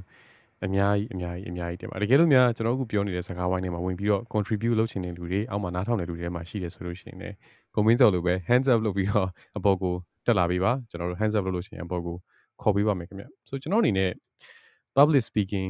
နဲ့ပတ်သက်လို့ tips ပေးပါလို့ပြောမယ်ဆိုလို့ရှိရင်တော့ကျွန်တော် Clubhouse Master Class သင်ထားတဲ့အထက်ကဟာကိုယူပြီးတော့ပြောပြသွားမယ်ပေါ့နော်ဆိုဒီထဲမှာတကယ်လို့များအဲ Clubhouse Master Class ဆိုမသိသေးဘူးဆိုလို့ရှိရင်ကျွန်တော်ရဲ့ပထမဆုံး digital course အနေနဲ့ ရောင်းတဲ့အာ Master Class ပါကျွန်တော်အဲ့ပုံမှာဘာတွေပါလဲဆိုလို့ရှိရင်လူတွေကတော့ထင်ကြတာ Clubhouse Master Class ဆိုတာဒီဘေးကြီးကဒီ application သုံးတာများ Master Class တွေပါကြီးကြီးကျယ်ကျယ်ရှောက်ပြောနေပါဆိုအဲ့လိုမျိုးထင်ရှားလိမ့်မယ်ပေါ့နော်ဆိုအမှန်တကယ်တော့အဲ့ထဲမှာကျွန်တော်က personal branding တွေတို့အာလူတွေကိုဘယ်လိုမျိုးစကားပြောတဲ့အခါမှာ tips and trick တွေသုံးရမလဲ audio setup တွေဘယ်လိုလုပ်လဲစသည်ဖြင့်အစလို့နောက်ဆုံးကိုကိုတိုင်းစကားပြောပြီးတော့ audio branding လို့ခေါ်တယ်ကျွန်တော်တို့အတန်နဲ့ visual image တွေကိုကျွန်တော်တို့ဘယ်လိုမျိုးလူတွေစီကိုထုတ်ပြီးလို့ရလဲဆိုတဲ့အကြောင်းတွေကိုလည်းကျွန်တော်ရဲ့ master class မှာကျွန်တော်ထည့်ပြီးတော့တင်ထားပေးပါတယ်ဆိုအဲ့ဒီထက်ကနေပြီးတော့ကျွန်တော်အာ10ချက်ရှိတဲ့ထဲကနေကျွန်တော်အဲ့ဒီထဲကနေ3ချက်ဒီနေ့ကောက်နှုတ်ပြီးတော့ဒီအောက်ကလူတွေကိုကျွန်တော် share ပေးမယ်ပေါ့နော်ဆိုအဲ့ဒီ3ချက်ကပထမဆုံးတစ်ချက်ကဘာလဲဆိုတော့ keep it simple တက်နိုင်သမျှအရှင်းဆုံးအတူဆုံးနဲ့လူနားလည်မဲ့ language နဲ့ပြောဖို့လိုတယ်ပေါ့နော်ဆိုများသောအားဖြင့် ကျွန်တော်တို့ဒီပုံမှာနားထောင်လာကြတဲ့လူတွေဆိုလို့ရှိရင်သိလိမ့်မယ်ပေါ့နော်ဆိုဘလူတွေအများကြီးအများကြီးအများကြီးစကားပြောတဲ့အခါမှာသူတို့ပြောတဲ့စကားတွေအားလုံးကိုကျွန်တော်က simplify အမြဲတမ်းလုပ်ပြတာကိုမကြာခဏဆိုသလိုဒီထဲကလူတွေတွေ့ရပါလိမ့်မယ်ဆိုခုနဆိုလဲကိုမင်းစောလာ share ပြီးတော့အရန်ကောင်းတယ်ဒါပေမဲ့ကျွန်တော်အားအားလုံးကိုတစ်လုံးနဲ့ကျွန်တော်ဘယ်လိုခြုံလို့ရမလဲဆိုအဲ့လိုမျိုးပဲကျွန်တော်အမြဲတမ်းစဉ်းစားပြီးကျွန်တော် information ကိုကျွန်တော်ကမှတ်တယ်ပြန်ပြောပြတယ်တခြားလူတွေပြန်ပြီး deliver လုပ်ပြီးအဲ့တော့ အာသူပြောပြသွားတာ3မိနစ်လောက်ကိုတကယ်လို့များ catch up မလုပ်နိုင်ခဲ့လို့ရှိရင်တော့ကျွန်တော်ပြောတဲ့တစ်လုံးကိုတော့ပြန်ပြီးမှတ်မိသွားစီတယ်ပေါ့နော်ဆိုဒါကကျွန်တော်ရဲ့အကောင်းဆုံး tips and trick လို့ပြောရမှာပေါ့ဆိုလူတိုင်းကအဲကိုပြောတဲ့ terms တွေကိုနားလည်ဖို့ဆိုတာမလွယ်ဘူးပေါ့အဲ့ဒါကြောင့်မြင်သာထင်သာရှိတဲ့စကားတွေနဲ့အမြဲတမ်းပြောဖို့လိုတယ်ပေါ့နော်ဆိုအဲအကြောင်း keep it simple ဆိုတာကအရန်အရန်အရန်ကိုအရေးကြီးတဲ့ပထမဆုံး tips ပါဆိုဗမာလူမျိုးတွေနဲ့စကားပြောရမယ်ဆိုလို့ရှိရင်တော့မြင်သာထင်သာရှိအောင်လို့ဆိုလို့ရှိရင် စကားပုံတွေကိုသွားလေ့လာကြည့်တယ်စကားပုံမှာဘာတွေပြောပြထားလဲစကားပုံမှာဗမာစကားပုံမှာကြီးအကုန်လုံးတိလိမ့်ဆန်နေကြီးပဲဆိုလူတွေကိုတိတ်ပြီးနှိုင်းလို့တော့မကောင်းဘူးပေါ့နော်ဒါပေမဲ့သူတို့မြင်သာထင်သာရှိအောင်ဆိုစင်ပိန်တော့ကျွဲလောက်တို့ပါမျောနေတယ်ဆိုလို့ရှိရင်လည်းတည်တယ်မှာစင်နဲ့တခြားတတော်ဝါတကောင်နဲ့ပေါ့ကျွန်တော်ဒီမှာ public room ဆိုတော့မပြောတော့ဘူးဆိုအဲ့လိုမျိုးလေးတွေအမြဲတမ်းအမြဲတမ်းရှိတယ်ပေါ့နော်ဆိုအဲ့တော့အဓိကကတော့ simple ဖြစ်ဖို့အတွက်အမြဲတမ်းလိုတယ် simple ဖြစ်ဖို့ရဲ့အဓိကတော့ချက်ကတော့လူတိုင်းနားလည်နိုင်လောက်မယ်စကားပေါ့ so တကယ် TikTok speaker အကြီးစားတွေကတော့အဲ့ဒါကိုဘယ်လိုမျိုးပြောလဲဆိုလို့ရှိရင်မင်းလေးနှစ်သားကလေးတယောက်ကိုရှင်းပြလို့ရှိရင်နားလည်မဲ့ language နဲ့လူတိုင်းကိုစကားပြောပါလို့ပြောတယ်ကိုတီးတဲ့ဟာတွေကအများကြီးဖြစ်နိုင်တယ်ဘာကြောင့်လဲဆိုတော့ကျွန်တော်တို့က knowledge မှာလည်းပြောလို့ရှိရင်ကျွန်တော်ကျိန်စာရှိတယ်ပေါ့နော်ဆိုအရန်တီလုံးအားကြီးလို့ရှိရင်အယူနဲ့တူသွားတယ်ပေါ့ဘာတွေပြောနေမှတခြားလူတွေကနားမလဲတော့ဘူးအဲ့တော့ knowledge ကကျိန်စာကိုလည်းကျွန်တော်တို့ကဖယ်ရမယ်ဘာကြောင့်လဲဆိုတော့ကျွန်တော်ကတိပြီးသွားပြီဆိုလို့ရှိရင်အဲ့တိသွားတဲ့စကားလုံးနဲ့ပဲကျွန်တော်ကစကားပြောချင်တော့တယ် လူတွေအမြဲတမ်းလို့လို့သုံးနေတဲ့စကားလုံးနဲ့ကျွန်တော်တို့တိတ်မပြောချင်တော့ဘူးပေါ့ဆိုအဲ့ဒါကတစ်ဖက်မှာလည်း ego ဆိုတဲ့အရာလေးကပါနေတယ်တစ်ဖက်မှာလည်းကိုတိတယ်ဆိုတော့ပြချင်တဲ့ဟာလေးကလည်းပါနေတာပေါ့နော်ဆိုအဲ့ဒါကြောင့်မလို့ public speaking လုပ်တဲ့အခါမှာလူတွေကအဲ့လိုတချို့ဆိုလို့ရှိရင်အာ I'm cool ပေါ့တည်ရငါမင်းတို့တက်ပိုတည်ရပိုမိုက်တယ်ဆိုတော့ပိုပြချင်တဲ့ဇောနဲ့သူတို့ deliver လုပ်တဲ့အခါမှာအဲ့လို terms အကြီးတွေတို့ဆို business meeting တွေမှာတော့ပူဆိုးတယ်ပေါ့တည်တယ်မှာအတူကောက်တွေ12ခုလောက်ပြောချသွားကျွန်တော်တခုမှနားမလဲဘူးဆိုအဲ့လိုမျိုးကာလာမျိုးတွေလည်းရှိခဲ့ဘူးတယ်ပေါ့နော်တကယ်တမ်းတော့သူတို့ကသူတို့ပိုပြီး cool ဖြစ်တယ် mic mic တယ်မင်းထက်ပိုတည်ရဆိုတော့ပြချင်တဲ့ဇောကပိုများနေပြီးတော့တကယ် public speaking ရဲ့အနှစ်သာရဖြစ်တဲ့နားလေပြီးတော့ take away ယူသွားမယ်ဆိုတာကိုသူတို့မသိကြဘူးဒါကြောင့်မလို့သူတို့ကရှုပ်ရှုပ်ထွေးထွေးစကားတွေပြောကြတယ်အဲ့တော့ဒီတေးရလူတွေကိုပထမဆုံး public speaking tips အနေနဲ့ပေးရမယ်ဆိုလို့ရှိရင်တော့ ကိုပြောမယ့်စကားတွေကို keep it simple so I keep it simple ကိုနောက်တစ်ခုထပ်ပြီးတိုးမယ်ဆိုတော့ simple and short ပေါ့နော်ဆိုအဲ့ဒါကိုအတူကောင်းနေနဲ့ kiss လို့ခေါ်ပါတယ်စကားပြောလို့ရှိရင် kiss ဖို့လိုပဲဆိုဆိုအဲ့လိုမျိုးဆိုလို့ရှိရင်ဒီထက်လူတွေလည်းမှတ်မိသွားမယ်လို့ထင်ပါတယ် KISS keep ပေါ့ keep it simple and short ဆိုအတူဆုံးနဲ့အရှင်းဆုံးပေါ့ဆိုအဲ့လိုပြောတဲ့စကားကအကောင်းဆုံးပါပဲဆိုနောက်တဲ့တစ်ခုအနေနဲ့ public speaking ပြောတဲ့အခါမှာဘာလို့လဲဆိုလို့ရှိရင်အောက်ကပြောနေတဲ့ audience နဲ့ connection လုပ်ဖို့လိုတယ်ကိုနာစော်လည်းကိုနာရှိမှပြောပြသွားတယ်ဆိုကိုနာစော်ပြောပြတဲ့အထက်မှာဆို standard comedian တွေကအောက်ကလူတွေကို joke လုပ်တယ်ပြီးတော့လို့ရှိရင်ပြန်ဖြီပြီးတော့တခြားလူတွေနဲ့အတူတူရီရအောင်လုပ်တယ်ဆိုတာအဲ့ဒါက connection လုပ်နည်းတစ်မျိုးပါပဲဆိုအဲ့လိုမျိုးကိုအာကျွန်တော်တို့ public speaking တိုင်းမှာတော့အာလှုပ်လို့ရကြမှာရမှာပေါ့ဒါပေမဲ့များသောအားဖြင့်ကတော့ရတာများပါတယ်အနည်းဆုံးတော့ hands up လုပ်ခိုင်းတာမျိုးတို့အာကျွန်တော်တို့မတ်တက်ရက်ပေးပါအောင်လို့ထိုင်ပေးပါအောင်လို့ပြောပြီးတော့နောက်ကနေ joke နေပေါ့နော် ဆိုခဏလောက်မတ်တက်ရက်ပြီးလို့ရမှာဗျာဒီထက်လူတွေအားလုံးမတ်တက်လေးခဏလောက်ရက်ပြီးပါဆိုဟုတ်မဟုတ်စင်ဘောကလူတယောက်ကပြောတယ်ဆိုအောက်ကလူတွေကလိုက်လုပ်ကြတယ်ပေါ့နော်ဆိုကျေးဇူးတင်ပါတယ်ပြန်ထိုင်မှာကျွန်တော်ညောင်းနေမှာဆိုလို့ခဏထားခိုင်းလိုက်တာပါဆိုစသည်ဖြင့်ဒါကလည်း connection လုံနည်းတစ်မျိုးပဲပေါ့သူ့ကို empathize လုပ်နိုင်တယ်ကိုက speaker နေရာမှာပြောရလို့3-4ယောက်လောက်မှရောက်တယ်လို့ဆိုလို့ရှိရင် maybe သူတို့လည်းထိုင်နေရညောင်းနေနိုင်တယ်ပေါ့ဆိုအဲ့လိုမျိုး empathize လုပ်ပြီးရဆိုတာလေးကိုပြလို့ရှိရင်ဒါအလွယ်ဆုံးလုပ်လို့ရတယ် connection ပေါ့ကျွန်တော်ဒီအခန်းလေးမှာဆိုလို့ရှိရင်ကျွန်တော်မီးကုန်းနေမိတယ် hands up လုပ်ခိုင်းတယ် chat box ထဲမှာဖြည့်ခိုင်းတယ် that's also a condition ပေါ့ဆိုတော့ public speaking လုပ်တိုင်းလုပ်တိုင်း second tip အနေနဲ့ဆိုလို့ရှိရင် condition လုပ်ပါဗျ so နောက်ဆုံးတစ်ချက်အနေနဲ့စိတ်ကြလုံးပြောပြလို့ရှိရင် master class ကလူတွေကျွန်တော်စိတ်ဆိုးသွားမယ်ပေါ့အဲ့တော့စိတ်ကြလုံးတော့မပြောတော့နောက်ဆုံးတစ်ချက်အနေနဲ့ပြောရမယ်ဆိုလို့ရှိရင်တော့ be authentic so authentic ဖြစ်ဖို့အရန်အရန်အရန်ကိုလိုတယ် so authentic ဖြစ်တယ်ဆိုတာဘာလဲဆိုလို့ရှိရင်ခုနရှိမှပြောခဲ့တဲ့ perfect ကပြောင်းမြန်ပဲလို့တွေးလိုက်ပေါ့ တကယ်လို့ကိုကအမှားပြောခဲ့တဲ့ရှင်လေကျွန်တော်မှားသွားတယ်ဗျာ so မေ့သွားတယ်ဆိုလို့ရှိရင်ခဏလေးကျွန်တော်မှတ်မိတယ်ကျွန်တော်အိမ်မှာတော့ကတော့ဒါကိုတေချာကြက်လာခဲ့တာအခုဒီပေါ်ရောက်တော့မှမေ့သွားတယ်ဗျာဘာဖြစ်လို့လဲဆိုတော့ရှေ့ကကောင်မလေးကချောလို့ပါလို့ဆိုစသည်ဖြင့်အဲ့လို joke နဲ့ရောလိုက်လို့ရှိရင်အခုစဉ်းစားဖို့အချိန်တစ်ခုရတယ်ပေါ့နော်ဆိုအဲ့လိုမျိုးလေးတွေကိုကကြိုတင်ပြီးတော့အာပြင်ဆင်ထားလို့ရတယ်ဖြစ်လာခဲ့လို့ရှိရင်လည်း authentic ဖြစ်ဖြစ်နဲ့ပြောလို့ရတယ်ပေါ့ဆိုကိုပေးခြင်းတဲ့ message ကို deliver လုပ်ခြင်းတဲ့ပုံစံကိုလည်းကိုက authentic ဖြစ်စွာနဲ့ပြောပြလို့ရဒီနေ့ဒီခန်းမှာတော့ကျွန်တော်က ဘာတွေဘာတွေဘာတွေကိုပြောပြသွားမှာပါဒီ event မှာတော့ဘာတွေကိုပြောပြသွားမှာပါဒီ presentation မှာတော့ဘာတွေကိုပြောပြသွားမှာပါစသည်ဖြင့်မစခင်တည်းကသူတို့ကိုကြိုပြီးတော့ဒါတွေ layout လုပ်ပေးထားလို့ရှိရင်သူတို့လည်းဘာကို expect လုပ်ရမှာဆိုတာသိတယ်သူတို့မကြိုက်တဲ့ topic ဆိုသူတို့ဒီခန်းထဲကထွက်သွားမယ်ဆက်နားမထောင်တော့စသည်ဖြင့်ပေါ့ဒါမျိုးလေးတွေပို့ပြီးပြီးလို့ရအောင်လို့ကိုတွေကအရင်ဆုံး authentic ဖြစ်ဖို့လိုတယ် ခုနရှိရကိုမင်းစောပြောသွားတဲ့ဟာလည်းကျွန်တော်ရန်သဘောကျတယ်ဆိုတကယ်လို့မသိတဲ့ question မေးတာကဟုတ်တယ်မသိဘူးလို့ဖြေလိုက်ပေါ့ရှင်းရှင်းလေးပဲကျွန်တော်မသိပါဘူးခင်ဗျာဒီတက်ပို့ပြီးလေ့လာပြီးတော့လို့ရှိရင်ပြန်ဖြေပါမယ်အဲ့တယောက်တည်းရပဲမိကုန်းနေအများကြီးမေးလာရင်စာပေဟောပြောပွဲမှာဗမာပြည်ကဆရာကြီးလုပ်တဲ့စာပေဟောပြောပွဲမှာသူတို့ကဘာလို့လဲလုပ်တာရှိတယ်ဆိုလို့ရှိရင်ဒီထက်ပိုကောင်းတဲ့ knowledge တွေကိုကျွန်တော်တို့ဆွေးနွေးကြမှာသေးတယ်အချိန်ကန့်သက်ရှိတဲ့အတွက်အဆင်ပြေမယ်ဆိုလို့ရှိရင် ကျွန်တော်တို့ဟောပြောပွဲပြီးသွားတဲ့အခါမှာစင်တော့မှာနှစ်ယောက်တူတူစကားပြောလို့ရမှာခင်ဗျားလို့ပြောပြီးတော့ဖျက်ချလိုက်တယ်ပေါ့ဆိုစင်ပေါ်မှာပဲတောက်လျှောက်အချက်ခွဲခံပြီးရှောက်ဖြီနေရမျိုးအဲ conversation လုပ်လို့မျိုးမလုပ်တော့ဘဲနဲ့တခြားလူတွေကိုလည်းကူကအားနာတဲ့အနေနဲ့အချိန်ကိုလေးစားတဲ့အနေနဲ့ပြီးမှပြောမယ်ဆိုပုံစံမျိုးလို့တော့နောက်မှပဲ private ပြောတဲ့အခါမှာကျွန်တော်တို့ပို့ပြီးတော့တက်တာစီတယ်ပေါ့နော်ဒါကတော့ကျွန်တော် public speaking ကျွန်တော်ရဲ့ master class ထဲမှာပါတယ် public speaking 10ချက်ထဲကနေပြီးတော့ကျွန်တော်ကောက်လုပ်ထားတဲ့3ချက်ကိုဒီနေ့ဒူဒူကျွန်တော် share သွားပေးတာဖြစ်ပါတယ်ဆိုတကယ်လို့များ ဒီ master class အကြောင်းပိုသိချင်တယ်ဆိုလို့ရှိရင်လည်းခဏနေလို့ရှိရင်ကျွန်တော်အောက်မှာကျွန်တော် master class ကိုတက်ဖူးတဲ့လူတွေရှိတယ်ပေါ့နော်ဆိုကျွန်တော်တစ်ခါမှဒါမျိုးတော့မလုပ်ဘူးဒါပေမဲ့စမ်းကြည့်ကြည့်မယ်ပေါ့သူတို့ကလည်းကျွန်တော်အာသူတို့ရဲ့ review ကိုလည်းကျွန်တော်နားထောင်ခြင်းနဲ့ကျွန်တော် review တွေကိုအာ found အနေနဲ့တော့ဖြည့်ခိုင်းထားပေမဲ့ကျွန်တော်တီချာပါဇက်နဲ့ပြောတာကျွန်တော်တစ်ခါမှမကြားရသေးဘူးဒါအပွင့်လင်းဆုံးဝန်ခံတာပါအဲ့တော့သူတို့လည်းကျွန်တော်ခဏနေလို့ရှိရင်တော့မေးကြည့်ပါမယ်ဒါကကျွန်တော်ပေးခြင်းတဲ့ public speaking မှာလုပ်ရမယ်၃ချက်ပါပထမဆုံးတစ်ချက်ကတော့ keep it simple and short ဒုတိယတစ်ချက်ကတော့ အောက်ကလူတွေနဲ့နားထောင်နေတဲ့ audience တွေနဲ့ create connection လုပ်ပြီးပါ connection အမြဲတမ်းတည်ဆောက်ပါနောက်ဆုံးတစ်ချက်ကတော့ authentic ဖြစ်ဖို့ပဲဖြစ်ပါတယ်ဗျဆိုကျွန်တော်ပြောသွားတဲ့ပုံမှာကိုကနာဆိုတော့ထပ်ပြီးအဲ့လိုလုပ်ချင်တာများရှိသေးလားဗျအာကိုလာပြဆယ်ချက်မှာ၃ချက်ပြောပါ9ချက်အဲ့ဒါတော့ကိုလာပြရဲ့ကိုလာပြရဲ့အဲ့ master class student တွေ public speaking လုပ်ဖို့ဒီထဲမှာဖိတ်ဖိတ်ဖိတ်ရမယ်အဲ့ဒါဆိုလို့ရှိရင် အဲ့ဒါဆိုရှင်ကိုလာပြကိုလာပြပြောပြောထားတဲ့ဥစ္စာတွေသူတို့စီကိုဘယ်လောက်ထိ take away တကယ်ရောက်သွားလဲဆိုတာတခါတည်းအမှပေါ်သွားပြီ Yeah yeah so ခဏနေလို့ရှိရင်တော့ကျွန်တော်တို့လည်း stage ပေါ်မှာတက်ခိုင်းပြီးတော့အာ share ခိုင်းကြည့်ပါမယ်ဆိုဒီဥစ္စာရဲ့ review လေကျွန်တော်ဘာလို့တို့အဲ့လို review ပေးခိုင်းလဲဆိုလို့ရှိရင်အဲ့ရလာတဲ့ review ကိုမှကျွန်တော်နားထောင်ပြီးတော့နောင်လာမဲ့ batch 2အတွက်ကိုကျွန်တော်က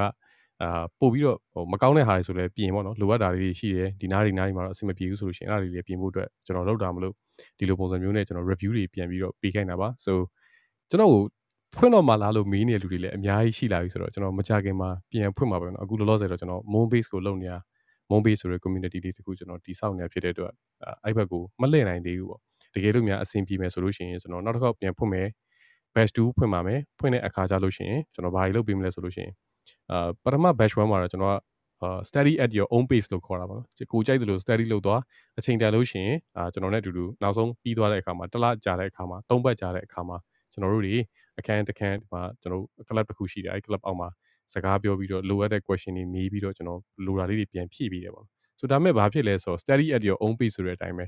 လူတွေကအမ်ဒါငါတစ်သက်လုံးရထားတဲ့ course ပဲပေါ့နော်ဆို AC ပဲဆိုပြီးတော့နောက်မှလေ့လာခြင်းတဲ့လူတွေလည်းကျွန်တော်သွားတွေ့ရအဲ့တော့ကျွန်တော်ဘာပြင်လိုက်လဲဆိုတော့ batch 2ကိုတက်မဲ့လူတွေဆိုလို့ရှိရင်ကျွန်တော်4 week စက်တိုက်အပတ်တိုင်းမှာကျွန်တော် room လုပ်မယ်တစ်ပတ်စာအာလေ့လာမယ်ဟာကိုကျွန်တော်တစ်ပတ်အတွင်းမှာပြီးအောင်ချထားပြီးမယ်တင်တန်းလိုပုံစံမျိုးတွေပဲတွားပြီးတော့ကျွန်တော်တစ်လ course အနေနဲ့ကျွန်တော်လုပ်ပေးဖို့ကျွန်တော်စဉ်းစားထားပါတယ်တကယ်လို့များစိတ်ဝင်စားတယ်ဆိုလို့ရှိရင်ကျွန်တော်ကိုအာဒီအခန်းပြီးသွားရင်ဖြစ်ဖြစ်လာရောက်ပြီးတော့ဆက်သွယ်လို့ရပါတယ်ကျွန်တော်အဲ့ဒါနဲ့ပတ်သက်ပြီးတော့ပို့ပြီးတော့ရှင်းပြပေးပါမယ်ပထမအခန်းမှာတက်ခဲ့တဲ့ student ပေါင်း12ယောက်ရှိတယ်ပေါ့ဆို12ယောက်လုံး graduate ဖြစ်သွားပြီလို့ပြောလို့ရပါတယ်ဆို professional plan တိရှိပေမဲ့ professional plan ကလူတွေကတော့ကျွန်တော်နဲ့အတူတူအာ business တွေအထိပါလုပ်ဖို့အတွက်အဲ့ plan ထဲမှာပါတယ်ပေါ့ video call နဲ့ one on one ပြောမယ်သူတို့လုပ်ချင်တဲ့ business တွေကိုကျွန်တော်လည်းအတူတူတိုင်ပင်တဲ့ပုံစံမျိုးတွေဒီပဲကျွန်တော်ကပါတယ်ဆိုတော့အဲ့ဘက်အပိုင်းကြီးတော့အဲ့လူတွေကမရောက်သေးဘူးပေါ့နော်သူတို့ကိုယ်တိုင်လည်းနေစာတူကလူလောကကိစ္စတွေနဲ့များမြောင်နေတယ်ဆိုတော့ဆိုတော့အဲ့ဘက်အချမ်းလူတွေကမပြောရသေးတာပါကျွန်တော်တို့ professional ဒီ semi professional plan ကဟာဒီတော့အကုန်လုံးပြောပြီးသားဖြစ်ပါတယ်ဆိုခဏနေလို့ရှိရင်တော့ကျွန်တော်ဒီပုံမှာ link တင်ပေးလိုက်ပါမယ်ဆိုအဲ့ link လေးမှာဝင်ပြီးတော့ check လုပ်ကြည့်လို့ရပါတယ် ဆိုတကယ်လို့အောက်မှာရှိတဲ့ master class တက်ဖူးတဲ့လူတွေရှိလို့ရှိရင် share ခြင်းတဲ့ experience တွေရှိတယ်ဆိုလို့ရှိရင်လည်းဆို stage 4တက်လာပေးပါဆိုကျွန်တော်တို့ဒီမှာစောင့်မျှော်နေပါတယ်ခင်ဗျအာနောက်တစ်ခုကဒီ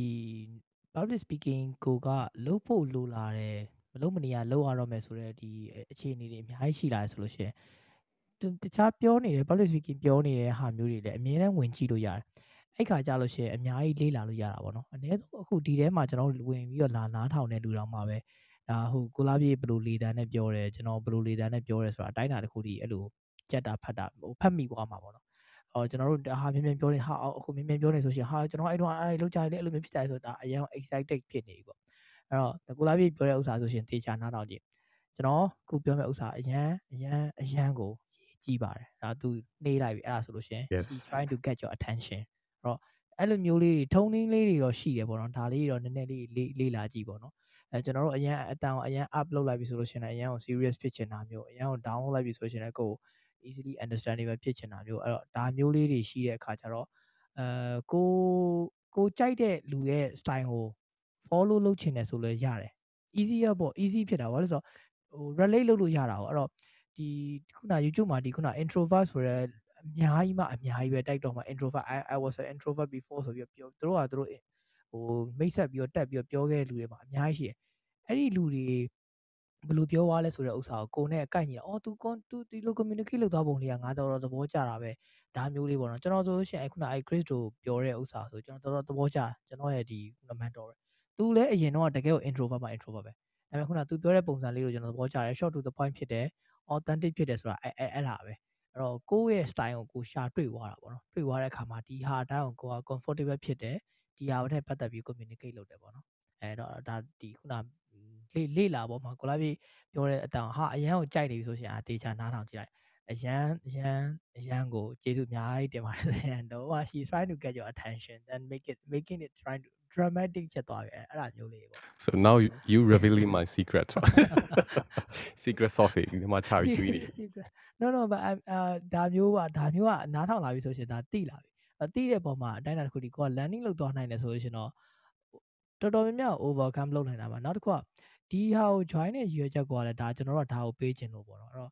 အတိုင်းအတာတစ်ခုဒီအဲကြောင့်ပို့ပြီးတော့ join စေခြင်းတယ်ဆိုတာလည်းကျွန်တော်ကြေညာခြင်းတာပေါ့နော် Telegram မှာလည်းဝင်ထားပါဆိုတော့ကိုလာပြေရောကျွန်တော်နှစ်ယောက်ပေါင်း ဟိုတည်ထားတဲ့ knowledge တွေပြီးတော့ဖတ်တဲ့စာအုပ်တွေတို့ဘာလို့ဆိုတာတော်တော်လေးကိုများတယ်နှစ်ယောက်ပေါင်းဆိုကိုလာပြေဖတ်တဲ့စာအုပ်ဆိုတော်တော်များတာကျွန်တော်ဖတ်တဲ့ article ဆိုတော့တော်တော်လေးကိုအတိုင်းအတာတစ်ခုရှိတယ်ဆိုတော့ဒီဟာနဲ့ပတ်သက်ပြီးတော့ကျွန်တော်တို့ကတီးတလောက်လေးပြန်ပြီးတော့ပြောပေးမှာဆိုတော့ကိုလာပြေ master class ဆိုလည်းဒါတကယ်ကိုတက်တယ်ဒီ Telegram group တွေမှာတကယ်ကို join ထားတင်တယ်ဖြစ်နိုင်လို့ရှင်ဒီ room တွေထဲမှာလာပြီးတော့ဝင်ဝင်ပြောတာတွေဝင်ဝင်မေးတဲ့အကျင့်တွေအဲစပြီးတော့လုပ်လို့ရတယ်ပေါ့ကျွန်တော်ဒီမှာ practice စပြီးတော့လာလုပ်လို့ရတယ်ဒီ room တွေမှာ အဲအဲဒါကြောင့်ပို့ပြီးတော့ဖိတ်ခေါ်ကြတာဟုတ်မဟုတ်ပဲမင်္ဂလာပါဟုတ်မပွင့်မင်္ဂလာပါဗျာမင်္ဂလာပါကိုလာပြီနဲ့ကိုဝင်လာဟုတ်ကဲ့ပါဆိုကျွန်တော်တို့နဲ့အတူတူဗာမြန် share စရာရှိတယ်ဒါမှမဟုတ် master class အတွက် share ဖို့အတွက်စင်မော်တက်လာတာပါဆို share ဖို့ရှိတယ်ဆိုလို့ရှိရင်လည်းဆိုပုတ်ပွက်လေးလေးနဲ့ပြီးတဲ့ feedback မျိုးကြားကြည့်နေပါတော့ဆို before and after ဘာတွေကွာသွားလဲဆိုဘယ်လိုမျိုးဒီရခဲ့လဲစသည်ဖြင့်တကယ်လို့များကျွန်တော်ကထပ်ပြီးတော့ improve လုပ်ရမယ်ဆိုလို့ရှိရင်ရောဘယ်ဘိုင်းနေ improve လုပ်လို့လဲစသည်ဖြင့်ဒါလေးလည်းပြောပြပေးပါခင်ဗျာဆို publicly တည်တာပဲကောင်းတယ်ပေါ့ဆိုကျွန်တော်ကိုယ်တိုင်အားနေချက်တွေရှိလို့ရှိရင်ဆရာဖော်ကောင်းလို့တက်ရလာအားနည်းချက်တွေရှိရဆိုရင်ကျွန်တော်လည်းပြင်ပြင်ခြင်းလို့ပါဒါပုံမှန်လေးလေးပြောတာလူတိုင်းမှာ perfect တော့မယ်ကျွန်တော်လည်းဒါပထမဆုံး digital course ဖြစ်တဲ့အတွက်အာကျွန်တော်မှလည်းလိုအပ်ချက်တွေရှိနိုင်တယ်ပေါ့နော်ဒါဒါကိုကျွန်တော်လက်ခံထားတယ်ဒါကြောင့်မလို့အမြဲတမ်း open for suggestion ဖြစ်နေပါတယ်ဆိုတော့မပွင့်နေနဲ့လည်းတကယ်လို့များအဆင်မပြေခဲ့တာလို့ပြေခဲ့တာလို့ရှိခဲ့လို့ရှိရင်ဘာကြောင့်ပြေလဲဘာကြောင့်မပြေလဲဘာတွေထပ်ပြီးတော့ ဘာရင်ပိုကောင်းမလဲစသဖြင့်ဒါလေးတွေကျွန်တော်တို့အတူတူ share ပေးပါဦးခင်ဗျဟုတ်ကဲ့ပါဟုတ်ကျမကအခုလာပြီးတော့ပြောတာကြတော့ဟိုခုနကကိုလာပြီးက master class အကြောင်းလည်းပြောချင်လို့ပြောလို့လာပြီးတော့ပေါ့နော်ပြောမယ်လို့ဆုံးဖြတ်လိုက်တာနောက်ပြီးတော့ public speaking room ဆိုတော့အဲကိုလာပြီးကကျမတို့ဟို no listener allow club ထဲမှာ train ပေးထားရတယ်ရှိတယ် public speaking ပြောရအောင်ဆိုတော့ဒါကဘာပဲပြောပြောလူအများကြီးရှိမှပြောတာဆိုတော့ဟဟိုကိုကိုကိုလည်းတက်တီမွေးလိုက်တဲ့သဘောနဲ့ လာပြီးတော့ပြောပြရပါ cool ဟိုဟုတ်ဟိုပါပေါ့နော်อืม master class ကိုတက်လိုက်တာတော့တကယ်တော့ကျွန်မဟိုစတက်တဲ့ရွယ်ချက်ကတော့ဒီ personal branding မိုင်းပဲတည်ကြံလို့ပေါ့နော်အဲ့ဒါတခုတည်းနဲ့ပဲတက်တာဒါပေမဲ့လည်းอืมတခြားတခြားဟာတွေလည်းအများကြီးပေါ့နော်ဟိုတည်ရတယ်နောက်ကျွန်မကတော့ clubhouse ကိုတော့ရည်ရွယ်ရတော့မဟုတ်ဘူးရည်ရွယ်တာကတော့ ဒီ lifestyle နဲ့ travel YouTube channel လုပ်ဖို့ရည်ရွယ်တာပေါ့နော်ဒါပေမဲ့အခုလောလောဆယ်တော့အဲ့ဒါတော့မလုပ်ရသေးဘူးဆိုပေမဲ့อืมအဲ့ဒါလုပ်ဖို့တွေကိုလည်းကိုလာပြကြတော့ဟိုတိုင်မင်နာတွေအကုန်လုံးကိုလည်းအချိန်မီအသေးစိတ်ပြောပြပေးရဲအဲကြတော့အဲ့ဒါတွေအကုန်လုံးလည်းအရင်ဆင်ပြေပါတယ် class ထဲမှာပါတာတွေနဲ့မဟုတ်ဘူးကိုအပြင်အသိချင်တာတွေအကုန်လုံးလည်းပြောပြပေးရဲဆိုတော့နောက်ပြီးတော့အဲ့ master class မှာဆိုရင်ဟိုကျွန်မစသအောင်ဘာကြုံရတာတခုတော့ရှိလဲဆိုတော့ကျွန်မအနေနဲ့ဦးကြောင်ကြောင်ဖြစ်သွားနေမှာပါဟို ကိုလာပြ audio file လဲပါတယ်စာလဲပါတယ်ဒါပေမဲ့ကျွန်မအစတုန်းကစာတွေပဲမြင်ပြီးတော့ audio file ကနောက်ထောင်လိုက်တဲ့အချိန်မှာချက်ချင်းအတန်ထွက်မလာတော့ဘာမှမပါဘူးလို့ထင်ပြီးကျွန်မအဲ့ဒါကိုဒီတိုင်းပဲထင်ပြီးနားမထောင်ဘူးနောက်ပိုင်းကျတော့မှနောက်ပိုင်း semi professional လားမသိဘူးအဲ့ဒီရောက်တော့မှကျွန်မရှေ့ရှေ့ပိုင်းနေမှာလည်းအတန်နေပါတယ်ဆိုတာသိတာပေါ့နော်အဲ့တခုတော့ master class မှာတော့အဲ့တခုပဲဟိုအလွဲကြုံလိုက်ရတာတော့ရှိတယ်ဟိုဟုတ်ကျွန်ကဲ့မပါလည်းဦးကြောင်ကြောင်ဖြစ်သွားတာပါမယ်တင်တယ်အဲနောက်ပြီးတော့ ဟိုအခုအခုကကြတော့လေဟိုကိုလာပြီးနဲ့ class ကတော့ professional plan ထိကျမယူရတာဟို master class call ကတော့မပြောရသေးဘူးအဲ့တခုပဲကြံနေဆိုပေမဲ့ကျန်တဲ့ဟာတွေကတော့အရန်ဟိုဘယ်လိုပြောရမလဲဟိုနောက်ထပ်ဆက်တော့ကျမသွားခြင်းတဲ့ဟာအတွက်လည်းဘယ်လိုသွားရမလဲဆိုရယ်လမ်းကြောင်းလဲတွေ့သွားတယ်ပေါ့နော်တွေ့သွားတော့အဆင်ပြေလို့ခံစားရပါတယ်ဒီဟာကဟိုတက်တက်ချင်တဲ့လူတွေကိုကြတော့ဘယ်လိုပြောပြရမလဲဆိုတော့အဲဒါကိုတက်မယ်ဆိုရင်ဘယ်လိုအကျိုးရမယ်ဆိုတော့ကိုကိုယ်တိုင်တက်ကြည့်ရင်တော့ ပို့ပြီးတော့တည်မယ်လို့အဲ့လိုပဲပြောလို့ရမယ်ရှင်။ကျမကိုယ်တိုင်လည်းကိုယ့်ဘာကိုတက်ပြီးမှကိုယ့်ဘာကိုဒါဒါတက်တာဘယ်လိုပြောင်းလဲသွားရလဲကိုယ့်ဘာကိုတည်ရဆိုတော့ဟိုသူများပြောတာနားထောင်တာလည်းဆိုင်တော့ကိုယ့်ဘာကိုတက်ကြည့်လိုက်ရင်တော့ပို့ပြီးတော့တည်သွားမယ်လို့တော့ထင်တယ်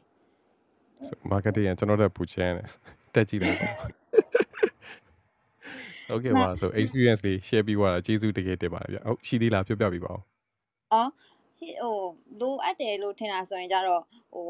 ဟိုကျမအရင်အဲ့ feedback ရေးပေးတဲ့အထက်မှာလည်းရော့ရေးပေးလိုက်တယ်ပေါ့နော်ဟို assignment လေးတွေပိုင်ကောင်းမယ်ဆိုတာဟိုဒီတိုင်းကြတော့ဥမာကျမလည်းအဲ့ဒီဥစ္စာတွေကို lesson တွေတစ်ခုချင်းစီဆိုလို့ရှိရင်တော့ဖတ်သွားတာပဲဖတ်သွားပြီးတော့တကယ်တမ်းလက်တွေ့လုံးဖြစ်သလားဆိုတော့ဟိုတချို့ဟာတွေလည်းမလုပ်ဖြစ်ဘူးပေါ့နော်မလုပ်ဖြစ်ဘူးဆိုတော့ကိုကလည်းကိုယ့်ဘာကိုယ်တိုင်းဖတ်ကြည့်ပြီးတော့ဖတ်တဲ့ချိန်တော့မှတ်လိုက်တာပေါ့ assignment လေးနည်းနည်းပါလို့ရှိရင်တော့အဲ့ဒါလေးကိုယ့်ဘာကိုယ်လုံးကြည့်လို့ရှိရင်လက်တွေ့လေးနည်းနည်းလေးလောက်ရလို့ရှိရင်တော့ပို့ပြီးတော့အုံနောက်ထဲပို့ဆွဲပြီးတော့ပို့ပြီးတော့အဆင်ပြေမယ်လို့ထင်တယ်အဲ့ဒါလေးတခုပဲပြောကြရှိပါတယ်ရှင် ဟုတ်ကဲ့ပါဆို share ပြီးတဲ့အတွက်ကျေးဇူးအများကြီးတင်ပါတယ်ကျွန်တော်လာမယ့် batch 2မှာလုပ်ဖို့အတွက် assignment တွေလည်းပြင်ထားပြီးတော့ပါပြီပေါ့ဆိုမကြခင်မှာကျွန်တော် release လုပ်ပါမယ်ကျွန်တော်ဒီဘက်မှာ moon base ကိုလည်းလုပ်နေတာဖြစ်တဲ့အတွက်အာတယောက်တည်းလုပ်တဲ့ one man ပေါ့နော်ဆိုဒါက side project အနေနဲ့တော့တာဆိုတော့တခြား team တွေကလူတွေကိုလည်းခိုင်းလို့မရလို့ပါဆိုအဲ့တော့လာ share ပြီးတဲ့အတွက်ကျေးဇူးအများကြီးတင်ပါတယ်ဆိုမပွင့်ရတော့ဟုတ်ပါဘူးမဝင်းတီတာကတော့ sorry ပါဆိုမမဝင်းတီတာကတော့အမြန်လမ်းပေါ်မှာရောက်နေလို့သူမတက်နိုင်လို့သူ့ရဲ့အာပြောချင်တဲ့ဟာတွေအကုန်လုံးတော့ chat box ထဲမှာထည့်ထားပေးပါတယ်လာ share ပြီးတဲ့အတွက်ကျွန်တော်ကျေးဇူး တကယ်ကိုအများကြီးတင်ပါတယ်ကျွန်တော်ကိုယ်တိုင်လည်း improve လုပ်ဖို့လိုနေပေါ့ဆိုအဲ့ personal အဲ့ဒီဒီ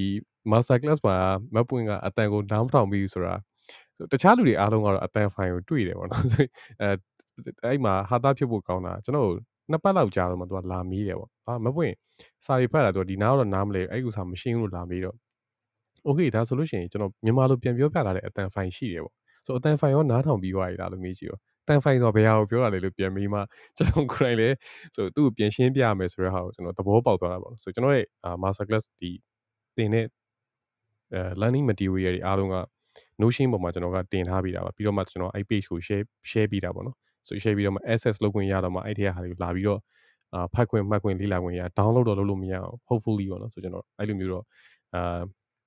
restriction တွေပါတော့ကျွန်တော်လုပ်ထားပါတယ်။ဘာကြောင့်လဲဆိုတော့ ဒါက paid course ဖြစ်နေတဲ့အတွက်တခြားလူတွေဒီတိုင်းပဲအာပြန့်သွားတာတွေပါဆိုလို့ရှိရင်ဝယ်ထားတဲ့လူတွေအတွက်အားနာလို့ပေါ့နော်ကျွန်တော်ကကျွန်တော် information ပြန့်သွားတော့အားမနာပေမဲ့ပတ်စံပေးထားတဲ့လူတွေသူတို့ကြတော့ပေးပြီးတခြားလူတွေအလကားရလိုက်တယ်ဆိုတော့အားနာလို့အဲ့ဘက်အပိုင်းတွေမှာကျွန်တော်အတက်နိုင်ဆုံးတော့ကျွန်တော် security တွေလည်းကျွန်တော်လုပ်ထားပေးပါတယ်ခင်ဗျာဆိုဝင်ရောက် share ပြီးတဲ့အတွက်ကျေးဇူးအများကြီးတင်ပါတယ်ဆိုကိုဝနာစောအနေနဲ့ရောအာ storytelling နဲ့ပတ်သက်တာလေးလည်းနည်းနည်းပြောပြပြပါကျွန်တော် public speaking ပြောသွားပြီးသွားပြီဆိုတော့ storytelling ပြောတဲ့အခါမှာ tips and trick တွေများ ရှိနိုင်သေးလားဘယ်လို tips တွေသုံးလို့ရှိရင် storytelling ပိုကောင်းလာနိုင်လဲဗျလောက်ပါအောင် Crystal စီကတစ်ခုခုလောက်ပဲဖြစ်ဖြစ် အာ storytelling နဲ့ပတ်သက်ပြီးတော့ Christo ရှိရတော့မဟုတ်ဘူးเนาะကျွန်တော်နားထောင်သမျှ storytelling story တွေနဲ့ပတ်သက်ပြီးတော့ drama dramatic ဖြစ်နိုင်ဖြစ်နိုင် ဖြစ်နိုင်မှုလိုတာပေါ့နော်ဒါ Yes, အဲ့ yes. make your story dramatic ပေါ့ဒါကတော့ကိုနားထောင်ပြီးတဲ့ story မှာဘယ်လောက်ထိ dram dramatic ဖြစ်လဲ story delivering လုပ်တဲ့ဥစ္စာမျိုးဆိုတာရှိရဗျာတကယ် ဒီကျွန်ကျွန်တော်တို့ဒီဟို master class ဆိုတာတစ်ခုတစ်ကိုလာပြည့် master class တော့မဟုတ်ဘူးတက်တက် master class ဆိုတဲ့ဥစ္စာရှိတယ် Yeah. အဲ့ဒီအဲ့ဒီမှာလည်းအဲ့လိုပဲ तू ကအာဒီ storytelling နဲ့ပတ်သက်ပြီးတော့ရေးတယ်ကျွန်တော်အဲ့ course တွေနဲ့တက်ဖို့တယ် तू ကအဲ့မှာ outline ချတဲ့ခါကျအဲ့လို story delaying ဆိုတာရှိတယ်သူကအခုမှာမှာကိုပြောချင်တဲ့အဲဟိုခုနကျွန်တော်ပြောတဲ့ flow လိုပဲပေါ့နော် normal explosion new normal အဲ့ဒီမှာဒီခုနပြောသလို explosion နဲ့ new normal ကြားမှာ तू ကအများကြီး delay လုပ်လိုက်တာဘာလို့ဆိုတော့ detail တွေထည့်ချင်လို့ detail တွေထပ်ထပ်ထပ်ထပ်ထပ်ထပ်ပြီးတော့ထည့်ချင်လို့အော်ဒီလိုလေးကတော့ဒီလိုမျိုးလေးဖြစ်တယ် detail တွေထပ်ထပ်ထည့်ချင်တဲ့အတွက်ကြောင့်အဲ့လို delay လုပ်လိုက်တာပေါ့နည်းနည်းလေးဟိုဇက်အိမ်ကိုဆွဲဆက်တဲ့သဘောပေါ့မြန်မာလိုပြောရဲဆိုလို့ရှရင်တော့ပို့ပြီးတော့ drama ပို့ဖြစ်သွားအောင်ပေါ့အဲ့တော့ဒီဥမာဒီအာ parasite တို့ဘာလို့အဲ့ကားတွေပါကြည့်တယ်ဆိုလို့ရှရင်လည်းအရန်ကို dramatic ဖြစ်တယ်သူတို့ရဲ့ story လေးကအကြောင်းအရာလေးကဘာဆိုဘာမှမရှိဘူးဒီချမ်းသာရဲ့လူနဲ့ဆင်းရဲလူနဲ့နေတဲ့ဥစ္စာရဲ့ daily life ပဲတတကယ်တကယ် basically gist ကိုပြန်ထုတ်လိုက်ရလို့ရှရင် ဟို take away ကတော့ဒါကိုကွာသွားတယ်ဒီလိုမျိုးကွာနေတဲ့ဥစ္စာကျွန်တော်တို့ကနေနေတူကမြင်နေရတာပဲဒါပေမဲ့ဒီ movie မှာမှသွားပြီးမြင်ရဆိုတော့လုံးဝ drama ဖြစ်သွားတာပေါ့အဲ့တော့ဒီတက်ပို့ပြီးတော့ dramatic ဖြစ်တဲ့ဟာမျိုးသွားကြဆိုရင်တော့ဒါကိုရီးယားကားတွေဆိုရှင်အရန်ကို dramatic ဖြစ်တယ်ဟိုပိုသူပတ်သက် dramatic ဖြစ်တာတော့ကလာကားတွေပေါ့အရန်ကို dramatic ဖြစ်တဲ့ဟာမျိုးရှိတယ်ဒါပေမဲ့အမ်အဲ့တော့ခုနပြောလို့ပေါ့ try to make your dramatic ဒါပေမဲ့ over dramatic တော့မဟုတ်ဘူးပေါ့နော်ဆိုတော့အဲ့နားမှာလေးတော့ land to control ပေါ့အဲ့တော့အဲ့ဒါမျိုးလေးကတော့ tips and tricks မှာတစ်ခုပါမယ်ပေါ့နော်နောက်တစ်ခုကကြတော့ဒီခုနကိုလာပြပြောတဲ့ take away ကိုပဲအဓိကအရင်ဆုံးစဉ်းစားဖို့တော့လိုတယ်ဗျကျွန်တော်တို့ကဘာပေးချင်တာလဲဆိုတာကိုစပြီးတော့ framework စချတာပေါ့အဲ့ဒီကျွန်တော်တက်ခဲ့တဲ့ class မှာလည်းသူကအဲ့လိုမျိုးပဲ okay ကိုကိုပြောမဲ့အကြောင်းအရာကိုပြောချင်တဲ့ဥစ္စာမှာဘာ take away take away ကဘာလဲအခုကျွန်တော်တို့ Lion King ကကြည့်ပြီဆိုလို့ရှိရင်လည်းအဲ့အဟောင်းမရိုက်ခင်မှာအရင်ဆုံး take away ကိုသူတို့ကအရင်ဆုံးစစဉ်းစားတာဘာပေးချင်တာလဲ okay ဘယ်ဘယ်ဟာကိုသွားချင်တာအဲ့ပေးချင်တဲ့ဟာပေါ်မှာမူတည်ပြီးတော့စက်အိမ်ပြန်တည်တာပေါ့နော်ဆိုတော့အဲ starting point ကတော့ဒီ take away နဲ့ပဲစတာအဲ့တော့ကိုကအာအခုကျွန်တော်တို့ဒါကခုနဟိုလိုတခြား story ပြောတာအခုတကယ်ဒီဘက်ကိုလာလိုက်မယ် business နဲ့ပတ်သက်တဲ့ဥစ္စာပြောမယ် okay ဆိုကြပါစို့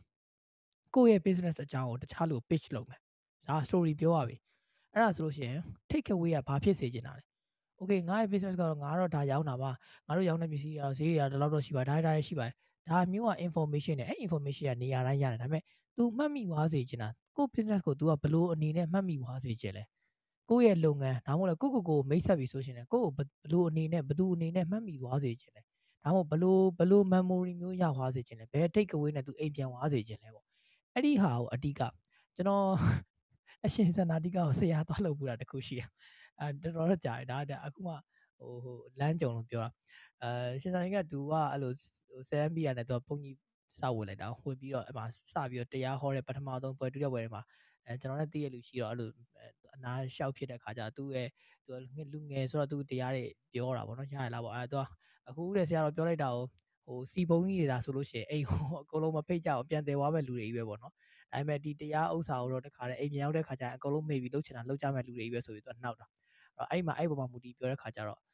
အဲ့မှာတည်းကစပြီးတော့ပြောကြည့်တာပေါ့နော်အဲ့တော့ story ဆရာတော်ဘာရစေချင်တာလဲပေါ့ဘာကို take away လုပ်စေချင်တာလဲပေါ့အဲ့လုပ်စေချင်တဲ့အကြောင်းအရာနေစပြီးတော့ဒီဟာပေါ်မှာစက်အိမ်တယ်ပြီးပြောရဲဆိုလို့ရှင်တော့မှတ်မိသွားနိုင်လောက်တယ်ပေါ့နော်အဲ့လိုမျိုးတော့အဲ့အဲ့ခရက်စပြီးတော့အဲ့အဲ့လိုမျိုးအကြံပေးအဲ့ဆရာတော်နောက်ပိုင်းဟောတဲ့ဟာတွေက तू ကအဓိက take away ပထမဆုံးအချက်နဲ့ तू အမြဲတမ်းခေါင်းစဉ်တယ်တယ်ပြီးတော့မှအဲ့ဒီပုံမှာ तू story telling နဲ့ तू အမြဲတမ်းပြန်ပြောတာပေါ့နော်အဲ့တော့အဲ တော့ခုနပြောလို့တရားဟောတာပဲဖြစ်ဖြစ် public speaking ပြောတာပဲဖြစ်ဖြစ်ကိုယ့်လုပ်ငန်းအကြောင်းကိုက pitch လုပ်တာရှင်းပြတာပဲဖြစ်ဖြစ်ကိုယ့်အကြောင်းကိုပြန်ပြီးတော့အာပြောတာပဲဖြစ်ဖြစ်ကိုကိုအဓိကဟိုရသူနားထောင်တဲ့လူရှိမှမရသွားစေချင်တဲ့ take away ကဘာလဲအဲ့ဒီကနေစပြီးတော့ဟို story line ပြန်ဆွဲပေါ့အဲအဲ့တော့ဒါကတော့ခုနကျွန်တော်တက်ခဲ့တဲ့ course ထဲမှာလည်းသူကအဓိကဒါကိုပဲပြောသွားတယ်လုံးဝဒီ gist ကိုပဲပြောအခုအခုဘာဖြစ်ချင်တာလဲအဲ့ဖြစ်ဘာလို့ဆိုဇက်အရာအများကြီးတယ်လို့ရတယ် တနေ့တနေ့ mundane ဖြစ်နေတဲ့အရာတွေမှာလည်းဇက်အိမ်တယ်လို့ရတယ်အရင် exciting ဖြစ်တဲ့ဟာမှာတယ်လို့ရတယ်တဲခြင်းတို့တယ်လို့ရတယ်ဒါပေမဲ့နောက်ဆုံးပြီးသွားတဲ့ခါကျရင်ဘာလဲဘာ okay ဘာကိုပြောချင်တာလဲဆိုတဲ့ဥစ္စာကိုအဓိကထားတယ်ပေါ့အဲဒါကြောင့်တချို့ movie တွေရှိရကျွန်တော်ကြည့်ဘူးလားအဲ့ဒီ take away ကိုလုံးဝမထည့်ထားအောင်လုံးဝမထည့်ထားဘဲနဲ့ movie ရိုက်ထားရှိအဲ့အဲ့ director နာမည်ကျွန်တော်မေ့ပါတမင်ရိုက်ပြတာဗမာကားတွေ no no no မကမောသူကရုပ်ရှင် technique က အရန်ကိုစမ်းကြယ်လို့ရတယ်ဒါပေမဲ့ story telling ဆိုတာမပါဘူးဆိုလို့ရှိရင်လူမကြည့်ဘူးဆိုတော့ तू ကပြတာဘာပြလဲဆိုတော့ तू camera shot ရိုက်ထားတဲ့အလင်းရောင်လို့ light of photograph အရန်ကောင်းတယ်အဲ့နွားကြီးတကောင်မျက်စားနေတာကိုနိုင်ဝက်လောက်ကြာအောင်တရားရိုက်ထားတာဘာမှမရှိဘူးအဲ့နွားကြီးတကောင်မျက်ထိုင်စားနေတာဒါပေမဲ့ lighting ကျနေတာတော့ဘာလို့အရန်မိုက်အရန်လှရလောက်လုံးဝတကယ် photography အရန်ဆန်ပြီးအတန်နေပါတွေညာတွေရတယ်အစလုံးဝတကယ်အဲ့ဒီနေရာကိုရောက်သွားသလိုမျိုးလေးပဲဒါပေမဲ့ there is no take away တော့အဲ့တော့အဲ့ဒီဟာပေါ်မှာလူကဒါကြီးကိုနိုင်ခွဲလောက်ထိုင်ကြည့်စရာအကြောင်းရှိကိုမရှိတယ်ဆိုတဲ့ဥစ္စာကို तू ကရုပ်ရှင်တစ်ခုလုံးရိုက်ပြီးတော့ပြထားတာသူရုပ်ရှင်ဘာမှမသိရဒါပေမဲ့ခုနပြောလို့ကတော့ကျွန်တော်မှတ်တော့မှတ်မိနေတာတော့သူက take away ဒါနွားကြီးမျက်စာကျွန်တော်မျက်လုံးတော့အခုချိန်နေမျက်လုံးအဲ့တော့ဟိုအဲ့တော့ဒီဘက်ကိုရည်ရပြန်ပြောရလို့ရှိရင်ကိုကတော့အကောင်းဆုံးတော့လုပ်ပြနေရပဲဒါပေမဲ့အဲ့နွားကြီးမျက်စားတဲ့ movie ဖြစ်နေပါဦးပဲပေါ့နော်အဲ့တော့ကိုယ့်ရဲ့ take away လေးကိုအဓိက focus ထားကြည့်ကြအောင်နော်ဒါအရန် boring ဖြစ်နေမှာဆိုလို့ပါ ဟုတ်ကဲ့ပါကျေးဇူးပါခုလာကြီးဟုတ်ကဲ့ပါဆို share ပြီးတဲ့အတွက်ကျေးဇူးအများကြီးအများကြီးအများကြီးအများကြီးကိုတင်ပါတယ်ဆိုဒီနေ့ဝင် join ပြီးတဲ့လူတွေထဲမှာတကယ်လို့မိကုန်းမေးချင်တဲ့လူတွေများရှိလို့ရှိရင် hands up လုပ်ပေးပါဆို hands up လုပ်ပြီးတော့တက်လာခဲ့ပြီပါခင်ဗျာကျွန်တော်တို့ဒီအာ question and answer တွေလည်းကျွန်တော်ဖြည့်ပေးပါမယ်ဆိုမတ်ပွင့်ကုနာပြောတဲ့ no listener along club လေးကတော့အာကျွန်တော်တို့ကျွန်တော် beta အနေနဲ့စမ်းပြီး run နေရလို့ပဲပြောရမှာပေါ့နော်ဆိုအဲ့မှာကျွန်တော် public speaking နဲ့ပတ်သက်တဲ့ဟာလေးတွေကိုကျွန်တော်သိတာတွေမှတ်တာလေးတွေကို ပြောပြရင်လည်းကျွန်တော်ကိုယ်တိုင်ကတော့ public speaking က practice အများကြီးလုံးမှာပဲ presentable ဖြစ်လာတယ်လို့ကျွန်တော်ယုံကြည်တဲ့လူတရားမလို့အဲ့ club က practice လုပ်ဖို့အတွက် club ပါအားကြောင့်မလို့ကျွန်တော် no listener allow ဆိုတဲ့နာမည်ကိုပေးတာနားထောင်နေမဲ့လူတယောက်မှမရှိဘူးအကုန်လုံးစကားပြောရပဲပေါ့ဆိုကျွန်တော်တရက်ကိုကျွန်တော်က tips and trick တခုပေးတယ်ခေါင်းစဉ်ချပေးတယ်ပြီးသွားလို့ရှိရင်ကျွန်တော်ကဘာလုပ်လဲဆိုလို့ရှိရင် အာ3မိနစ်စာစကားပြောခိုင်းတယ်ပေါ့ဆို3မိနစ်စာအဲ့ခေါင်းစဉ်အကြောင်းကျွန်တော်စကားပြောခိုင်းတယ်အပတ်စဉ်ကျွန်တော်ဗုဒ္ဓဦးနေတဲ့အခန်းကြီးလုပ်တယ်စိတ်ဝင်စားရင်တော့ဝင် join လို့ရတယ်ဒါပေမဲ့အာနောက်ပိုင်းဝင်လာမဲ့လူတွေတော့ကျွန်တော် promise တစ်ခါလေးတောင်းရမလို့ဖြစ်နေပါတော့ဆိုတပတ်လောက်လာတယ်ပြီးသွားလို့ရှိရင် ပျောက်သွားတယ်ဆိုတော့ကျွန်တော်တို့ရဲ့ဟိုနောက်ဆုံးဒီထဲမှာကြံခဲ့တာပုံမှန်လာလာနေတဲ့3-4ယောက်ကပဲအမြဲလိုကြံခဲ့ပြီးတော့အသစ်တွေကတပတ်လာလိုက်ပျောက်သွားလိုက်နေအဲ့လို consistent မရှိတာမျိုးတွေတွေ့ရ maybe ကျွန်တော်ရဲ့လိုအပ်ချက်လည်းဖြစ်နိုင်တယ်လို့အာသူတို့ဘက်ကလည်းတည်တည်ချာချာမလုပ်ချင်တော့တာဖြစ်တချို့တွေကလည်း club house မှာတုံးတော့တာမျိုးတွေပါလေရှိရဆိုတော့ဆိုအဲ့တော့တကယ်လို့များကြင့်ကျင်တယ်ဆိုတဲ့လူတွေရှိလို့ရှိရင်ကျွန်တော် profile အောက်မှာပြီးတော့ရှာကြည့်လိုက်ပါ no listener allow ဆိုတဲ့ club ရှိပါတယ်တပြားမှမပြရပါဘူးဘာလို့လဲဆိုတော့ကျွန်တော်ကိုယ်တိုင်ကအဲ့မှာ testing ground အနေနဲ့တချို့ idea တွေကျွန်တော် ကျွန်တော် philosophy တွေတော့လကောင်းကျွန်တော်ကိုကိုကိုမေးလို့ခတ်နေတဲ့ question တွေကိုတခြားလူစီကနေ idea ရအောင်တော့လကောင်းအများကြီးပဲကျွန်တော်အဲ့ထဲမှာ close group အနေနဲ့ကျွန်တော် join ပါလား join ပြီးတော့အာလေ့ကျင့်ပေးနေတာပါနောက်ပိုင်းတော့ maybe အခါချင်းကိုကောက်ခံလဲကောက်ခံမယ်ပေါ့နော်ဆိုဝင်ကြီးဘယ်လောက်ဆိုတာမျိုး ਨੇ အဲ့ဒါမှလည်းနည်းနည်းလေးပြောရလို့ရှိရင်အဲဘယ်လိုပြောပြရမလဲ commitment နည်းနည်းရှိသွားမယ်ပေါ့ဒီလို limitation ကိုဒီလိုပြောရဆိုလို့ရှိရင် commitment တစ်ခုခုရှိသွားမှာ commitment ရှိမှလည်းတိုးတက်မယ်လို့ကျွန်တော်ယုံကြည်တယ်ပေါ့ ဆိုတော့စိတ်ဝင်စားမယ်ဆိုလို့ရှိရင် no listener allow club ကိုလည်းကျွန်တော်လာ join ဖို့အတွက်ဖိတ်ခေါ်ပါတယ်ဆိုမတ်ဟန်ဒီခိုင်ထုံးလည်း stage ပေါ်ရောက်လာတွေ့ရပါတယ်မင်္ဂလာပါခင်ဗျာမင်္ဂလာပါခုလာပြည့်ရောကိုအနာဟုတ်ကဲ့ရှင်မမတော့မေးပြမရှိလို့ဟုတ်ကဲ့မေးပါခင်ဗျာ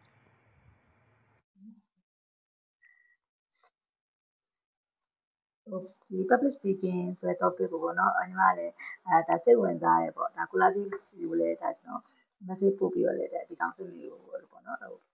မပြဖို့လည်းတခါဟို research လုပ်ဖွဲ့ပေါ့နော်အဲအဲ့တော့ကျွန်တော်ရဲ့အခက်အခဲကအာဘာရှိလဲဆိုတော့အဲကျွန်တော် public speaking အဲလုပ်ရတဲ့အဲအခြေအနေတွေရှိရပေါ့နော်အဲလုပ်လဲလုပ်နေရတာပေါ့နော်အဲဒါပေမဲ့အဲအဲလုပ်မယ်ဆိုလဲနည်းနည်းကိုကကိုလည်း introvert တွေမှာပါတော့အဲ အဲ့လိုမျိုးပေါ့နော် anxiety တက်တာတော့ရှိတယ်အဲအဲ့တော့ကြတော့အဲကျွန်တော်သိချင်တာကြတော့ဟိုပေါ့နော်အဲကိုယ့်ထက်အဲတော်တဲ့သူတွေပေါ့နော်ကိုယ့်ထက်တော်တယ်လို့ကိုကမှတ်ထားတဲ့လူတွေအခုတော့ပိုသိပြီးသားအကိုပိုတက်တယ်လို့ယူဆထားတဲ့သူတွေရှိမှဆိုရင်အဲခါလေးမှာတော့တဲ့ခါမှာလည်း confident အဲနည်းနည်းပျောက်တာရှိရပေါ့နော်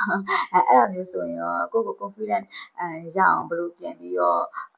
လောက်တယ်လေပေါ့နော်အဲ့ဒါလေးတစ်ချက်သိချင်တာပေါ့နော်ဟို public speaking ဆိုတော့ဒါပြန်ပြီးတော့စဉ်းစားရင်ငယ်တော့ဆိုရင်ဘယ်လောက်ကြောက်လဲဆိုရင်တော့ဟိုတစ်ခေါက်ပြောဘူးပဲပေါ့နော်ဆယ်တန်းပြီးတဲ့အခါကျတော့ဒါဟိုကျွန်တော်တို့ကျေးဇူးတင်စကားပြောပါပေါ့နော်စင်ပေါ်မှာဆိုတော့အဲ့လိုဘာပြောရမလဲမသိဘူးအဲ့လိုမျိုးပေါ့နော်လုံးဝ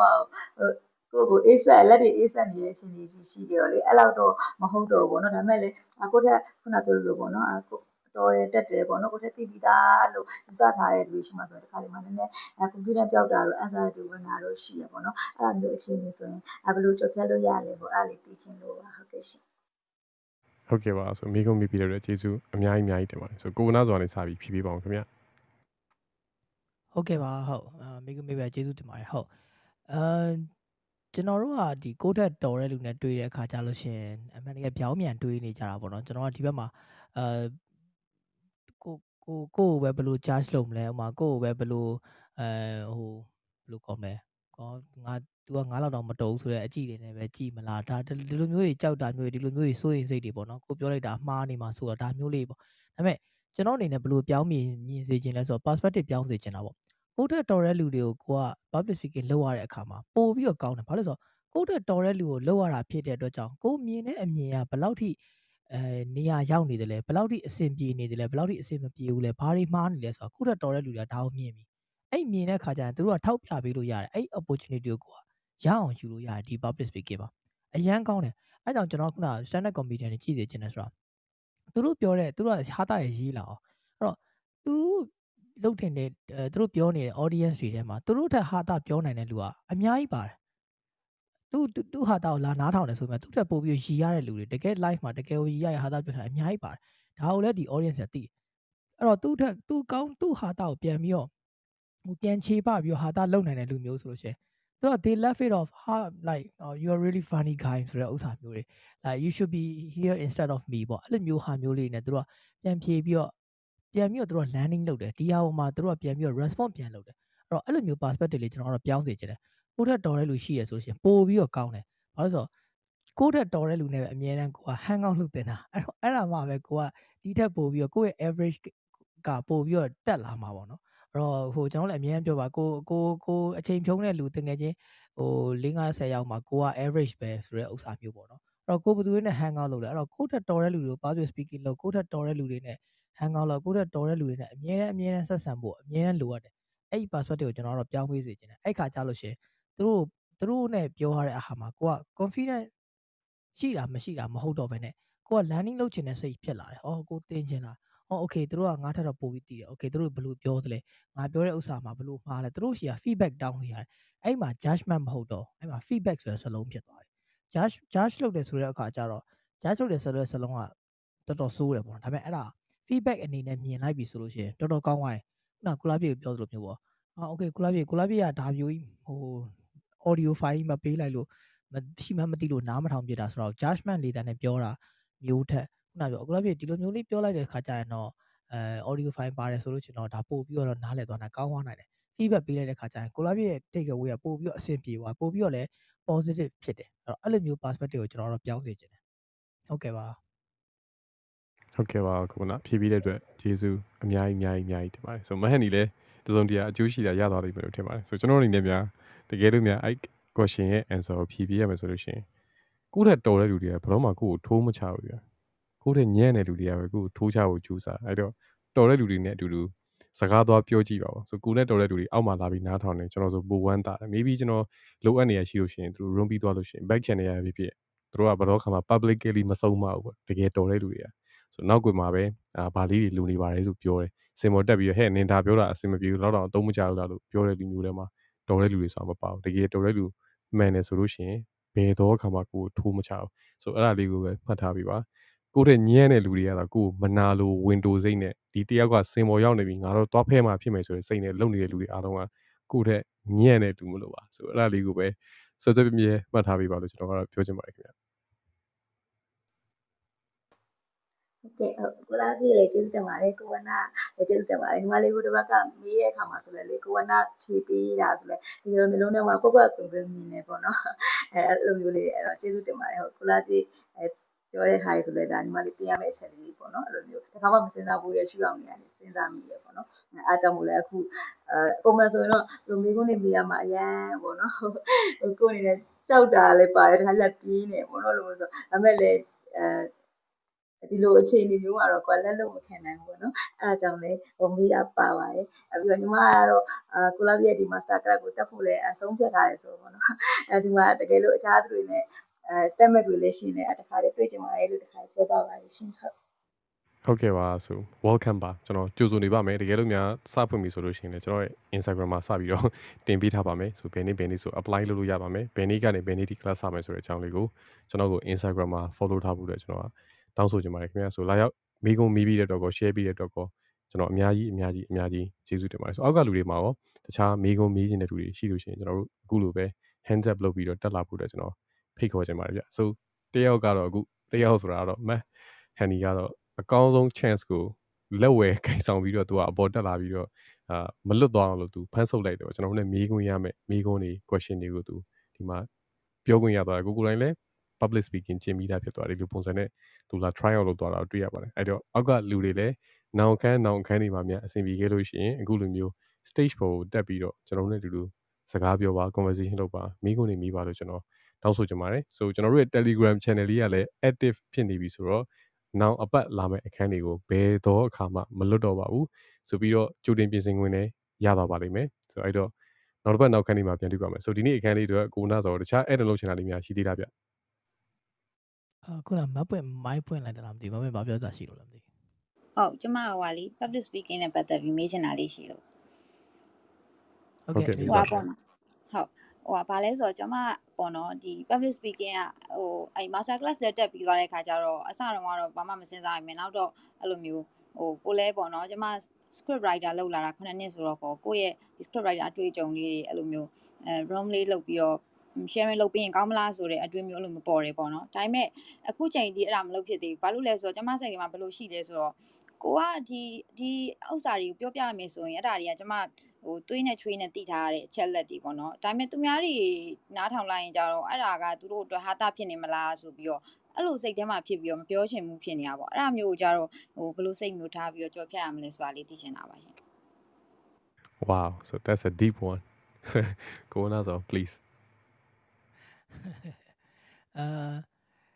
တခုနှစ်ခုရှိတာပေါ့နော်ဒါမပွင့်ကတော့ဒါသူများဟိုအလကားယူသွားမှာဆိုလို့မဟုတ်ဘူးဆိုတာတော့ကျွန်တော်သိပါတယ်ဒါပေမဲ့ခုနကိုရီလို့ရီလိုမျိုးဖြစ်နေမလားပေါ့နော်အမ်အမှန်တိုင်းပြောရလို့ရှင်ဗျဖြစ်နိုင်တယ်ဖြစ်ဖြစ်ဖြစ်ဖြစ်နေပါလိမ့်မယ်ဘာလို့ဆိုအခုကျွန်တော်တို့ပြောတဲ့ဟာမျိုးတွေကိုလာပြီလို့ပြောတဲ့ဟာမျိုးတွေက အဲတခြားလူကတယောက်အနေနဲ့ဒီဟာတွေကို experience လုပ်ဖို့ဆိုတာမဖြစ်နိုင်ဘူးလေဘာလို့ဆိုတော့ကျွန်တော်ကြီးပြင်းလာတဲ့ဟာမျိုးတွေဖြတ်တန်းခဲ့ရတဲ့ process တွေနေနေတဲ့နေထိုင်ပုံတွေပေါင်းတင်တဲ့ပေါင်းတင်တူမှမတူတာမတူတော့ကိုဖြတ်တန်းခဲ့ရတဲ့ဥစ္စာတခြားလူတယောက်အမြင်ထဲမှာဟာတာတိုက်တာတစ်ခုတည်းတော့ဖြစ်နေမှာပဲဒါမှမဟုတ်လည်းအထင်ကြီးစရာပေါ့ဒါမှမဟုတ်လည်းနှိမ်ချစရာပေါ့ဘာလို့ဆိုတော့အမြင်တမ်းကျွန်တော်တို့ကကိုကိုကိုကိုကိုနဲ့ပဲ leveling လုပ်ပြီးပြန်တွေးတာ哦အဲ့တော့ဥပမာဆိုတော့ဗျာကျွန်တော်အမှအပြင်မှာ collab ပြီးတော့ဟာ collab ပြီးအရက်ကြီးရှည်လိုက်တာဆိုတာ ပြောရင်ကျွန်တော်ကျွန်တော်အရက်နဲ့ရှင်ပြီးတော့ပြောပြီးတော့ဒါဟောဖြစ်တာကျွန်တော်က collab နဲ့အရက် level 2ဆိုသူ့အရက်ကြီးရှည်လိုက်တာဆိုမြင်စရာအကြောင်းမရှိဘူးလေဒါဒီလိုပဲပေါ့အာတော့မို့လဲကုလားပြဝါလိုက်တာဆိုတာကျွန်တော်တက်ပိုဝါနေလို့ဒါကျွန်တော်သူ့ကိုဝါလိုက်တာဆိုတော့ကျွန်တော်နဲ့ကုလားပြနဲ့အဲ့လိုဘိုက်ပူတာချင်းတူတူပဲအပြင်မှာဆိုလို့ရှိရင်ပြောစရာမလိုဟေးဆိုပြီးဘိုက်ချင်းတောင်ထိပြီးနှုတ်ဆက်ပလိုက်အောင်ပဲဆိုတော့ကိုနဲ့ level 2ကိုအရန်ခက်ခဲဟိုခက်ခဲတာပေါ့နော်တယောက်နဲ့တယောက်နဲ့အဆင်အဲ့လိုဘယ်လို့မှမတူနိုင်အဲ့တော့ကို့အတွက်တွေ့ကြုံရတဲ့အတွေ့အကြုံတွေက သွေးနဲ့ပဲရင်ရင်ကျွေးနဲ့ပဲရင်ရင်ဘလို့ပဲဖြစ်ခဲ့ဖြစ်ခဲ့ခုနရည်စရာလို့မြင်တဲ့လူကတော့မြင်နေမှာပဲဆိုတော့မပွင့်အနေနဲ့ပြန်တွေးရမှာအဲ့ရည်စရာမြင်တဲ့လူ group တယောက် group တစ်ခုအတွက်နဲ့တကယ်တကယ်ဟောကိုဒီလိုရင်းနှီးထားတဲ့အရင်ကြီးဒီလိုဟာတွေပေါ်မှာအကျိုးမြတ်ရသွားမဲ့လူတွေကိုပို့ပြီးတော့ဦးစားပေးချင်တာခုနဟာတွေကိုပို့ပြီးတော့ဦးစားပေးချင်တာပေါ့ဒါမျိုးလေးတစ်ချက်ပြန်ပြီးတော့ဟိုဖြစ်ရမှာပေါ့လို့ဆိုတော့ကျွန်တော်ဒီထဲမှာပြောတဲ့ဥစ္စာ business နဲ့ပတ်သက်ပြီးပြောတဲ့ဥစ္စာမျိုးတွေမှာ ဟာဒီဒီကောင်လေးဒီကောင် business လုပ်တာဘာသိပါလို့လို့ကအခုမှကုမ္ပဏီလေးစတာဖြစ်တစ်နှစ်လောက်ရှိတယ် business ကြောင်ဘာတွေညာတွေပြောအဲ့လိုမျိုးပြောတဲ့လူရှိအများကြီးရှိတာပဲဒါမျိုးပေါ့အော်ဒီလောက်လေးကတော့ဒါမျိုးပါကျွန်တော်တို့ collab လို့ sales နဲ့ပတ်သက်ပြီးလုပ်သွားတဲ့ room တွေဒီလိုပဲပြောကြတာဒါပေမဲ့အဲ့ဒီမှာအများကြီးရသွားတဲ့လူတွေလည်းသူ့ဟာနဲ့သူရှိတယ်ဆိုတော့ကျွန်တော်တို့ကအဲ့ရသွားတဲ့လူတယောက်တလေကြံခဲ့တယ်ဆိုရင်တော့အဲ့ကြံခဲ့တဲ့တယောက်တလေပေါ်ပဲ focus ထားပြီးတော့ပြောနေမှာဖြစ်တဲ့အတွက်ကြောင့်ခုနပြောသလိုကိုယ့်ဘောရှိတဲ့လူရှိတယ် ရှိပလိစီပေါ့ဒါတော့လက်ခံရမှာအဲ့တော့အဲ့လိုမျိုးလက်ခံလိုက်ပြီးတော့ကိုကိုကိုကိုပြောမဲ့ experience တွေကို share ချင်တဲ့ဟာတွေကိုတတ်နိုင်သလောက်နားထောင်မယ်ဒီပေါ်မှာအကျိုးမြတ်ရမယ်လူနည်းစုပဲဖြစ်ဖြစ်ဘယ်လောက်ထိပဲရှိရှိပေါ့နော်အဲ့ရှိတဲ့ပေါ်ကိုပဲ concentrate လုပ်ပြီးတော့ကိုကပြောမယ်ဆိုတော့စိတ်လေးထားလိုက်မယ်ဆိုရင်တော့ everything's going to be all right ပါ Yeah so same with my theme perfectionist ဖြစ်ချင်နေသေးတယ်ဆိုလို့ရှိရင်တော့အဆင်မပြေဘူးပေါ့ဒါဒါကြောင့်မလို့ကျွန်တော်ရှေ့ရ room နေမှာလဲကျွန်တော်ခဏခဏပြောရပါနောက်ဆုံး ဘယ်သူမှလာနားမထောင်ဆိုရင်တော့ကျွန်တော်လည်းကိုနာဆိုတဲ့နှစ်ယောက်ကတယောက်ကိုတယောက်ပြန်ပြီးလမ်းလုပ်နေမှာပဲပေါ့နော်ဆိုတော့စင်ပေါ်မှာနှစ်ယောက်တည်းရှိတယ်နှစ်ယောက်တည်းပဲစကားပြောပြီးတော့ဟာတာရင်းနဲ့ AC လုပ်ပြီးစကားပြောနေမယ် so so the point ကကျွန်တော်တို့ကကိုကိုတိုင်းလည်းလမ်းလုပ်မယ်ကျွန်တော်တို့နှစ်ယောက်အချင်းချင်းနှစ်ယောက်ရှိနေတော့အဆင်ပြေနေပြီပေါ့နော်ဆိုမပွင့်ရတယောက်တည်းပြောမယ်ဆိုလို့ရှိရင်တော့ maybe partner တယောက်လောက်ရှိလာရင်တော့ပို့ပြီးတော့ကောင်းတယ်တကယ်လို့မရှိတယ်စိတ်မပူနဲ့ပေါ့ဆို partner ဆိုတဲ့နေရာမှာလည်းကျွန်တော်တို့ feel ချင်းတူနေကြမလို့ကိုနာဆိုနဲ့ကျွန်တော်နဲ့လည်းနှစ်ယောက်က overlap ဖြစ်တဲ့နေရာလေးတချို့သာရှိတယ်သူလည်း သူ့ market နဲ့သူကျွန်တော်လည်းကျွန်တော် market နဲ့ကျွန်တော်ဆိုနှစ်ယောက်ကတူတဲ့ဟာလေးတွေရှိလို့ဒီဟာလေးတွေအတူတူ share ပြတာပဲရှိတယ်ဆိုတော့အဲ့တော့မပွင့်လဲကို feel တဲ့ရမှာမဟုတ်ဘူးဒါပေမဲ့ဒီလိုဟာမျိုးတွေကိုစိတ်ဝင်စားလို့ပြောချင်တဲ့လူရှိတယ်ဆိုရင်လည်း partner တယောက်လောက်ရှာကြည့်ပေါ့နောက်ဆုံးဘယ်သူမှ benefit မရဘူးဆိုလို့ရှိရင်တော့ကိုကကိုထင်တဲ့ဟာတွေကိုကိုပါဇက်ကနေထုတ်ပြောလိုက်တဲ့အခါမှာကိုသိထားတဲ့ knowledge က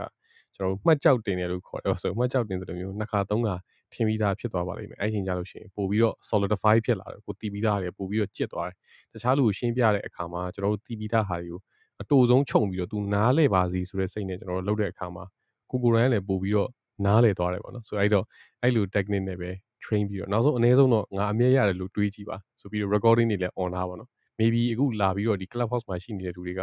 အမြတ်မရခဲ့ရင်တော့ maybe တစ်ချိန်ချိန်မှာပြန်ပြီးတော့ replay နားထောင်မဲ့လူတော့လကောင်း podcast လိုမျိုးတင်လာတယ်ဆိုလို့ရှိရင်အဲ့ podcast ကိုနားထောင်မဲ့လူတော့လကောင်း now generation မှာဖြစ်လာမဲ့ script writer script writer ဆိုတာဒီ media industry ရှိနေသူတွေကရှိနေဦးမှာဆိုတော့အဲ့နောက်ပေါက်လေးတွေကအတွက်တော့အများကြီးအကျိုးကျေးဇူးရလိမ့်မယ်လို့ကျွန်တော်ကယုံကြည်ပါတယ်အဲ့တော့ don't try to be perfectionist ပါအာဟုတ်ကဲ့ပါဟုတ်ကိုကိုဝနာရောကိုလာပြီးတော့ပြောပြတာဟုတ်ကျွန်မသဘောပေါက်ပါပြီကျေးဇူးအများကြီးတင်ပါတယ်တိချာမှတ်ထားပါတယ်ရှင်အဲ့တိုင်းဟိုစူးစမ်းနိုင်အောင်လို့စူးစမ်းပါအောင်ရှင် ဟုတ်ကဲ့ပါခင်ဗျာဆိုလာရောက်နားထောင်ပေးတဲ့တူတယောက်ချင်းစီကိုလည်းကျေးဇူးအများကြီးအများကြီးအများကြီးတင်ပါတယ်ဆိုကျွန်တော်တို့ Telegram channel မှာရောပြန်လည်ပြီးတော့ဆုံတွေ့ပါဦးမယ်ဆို room နေမရှိတဲ့ရက်တွေမှာလည်းကျွန်တော်တို့အကုန်လုံးအာ maybe voting system လေးနဲ့တချို့ question လေးတွေမေးတာလေးတွေပါလေးလည်း fun ဖြစ်အောင်တော့လုပ်မယ်ပေါ့နော်ဆို at the same time အရန်အာ crowd ဖြစ်နေမှလည်းအရန်ဆိုရယ် maybe spam လုပ်တယ်လို့လည်းပြောခံပါလေဆိုရယ်ဆိုတော့အဲ့လိုကျွန်တော်တို့အနည်းအနည်းဆုံးနဲ့အတက်နိုင်ဆုံးချိန်ပြီးတော့ ဒီ community လေးကိုကျွန်တော်တို့တခြားနေရာမှာလည်း active ဖြစ်အောင်လုပ်ပြပါမယ်တကယ်လို့နားထောင်နေကြတငယ်ချင်းတွေရှိတယ်ဒီနေ့အကြောင်းမျိုးမျိုးကြောင့်တော့၎င်းမအားလို့မလာနိုင်တဲ့လူတွေရှိတယ်ဆိုလို့ရှိရင်လည်းကျွန်တော်တို့ Telegram link လေးကိုဒီ chat ထဲမှာချထားပေးပါတယ်ဆိုအဲ့ Telegram link လေးကနေလာပြီးတော့ join ပြီးပါခင်ဗျဆိုနောက်လာမယ့် room တွေကိုမလွတ်ပါစေနဲ့လို့ကျွန်တော်ဆုတောင်းပေးလိုက်ပါဒီတက်ပိုကောင်းတဲ့ room တွေလာပါပါနောက်တစ်ပတ်အနေနဲ့ဆိုလို့ရှိရင်ကျွန်တော်နဲ့ကိုဝနာဆိုနဲ့ပြောမယ့်အခန်းကတော့လူငယ်နဲ့နီးပညာဖြစ်ပါတယ် ဆိုအဲ့ဒါကိုလည်းတစ်ခါတည်းဒီမှာကြီးညာသွားလိုက်မှာပေါ့ဆိုလူငယ်နဲ့နီးပညာမှာကျွန်တော်တို့ဘာတွေပြောမလဲဆိုလို့ရှိရင်ဒီ tech technology ခကြီးထဲမှာနေတဲ့ခါမှာလူငယ်တယောက်အနေနဲ့ဘယ်ဟာတွေကိုသိထားတင်လဲဘယ် tech တွေနဲ့ရင်းနှီးနေတင်လဲဘာတွေကိုသုံးနေတင်လဲစသည်ဖြင့်ဒါတွေအားလုံးကိုကျွန်တော်တို့အဲ့ထဲမှာထည့်သွင်းဆွေးနွေးတော့မှာအဲ့ကောင်ကခန်းနဲ့လည်းပြီးချင်မှပြီးမယ်ပေါ့နော်ဆိုအများကြီးလည်းဖြစ်သွားနိုင်တာမလို့ဆိုအဲ့အခန်းဒီမှာလာရောက်ပြီးတော့နားဆင်ပြီး join ပြီးကြဖို့လည်းကျွန်တော်တို့မျှော်လင့်နေပါမယ်ခင်ဗျဆိုအားလုံးပဲအဲ့ဆိုလို့ရှိရင်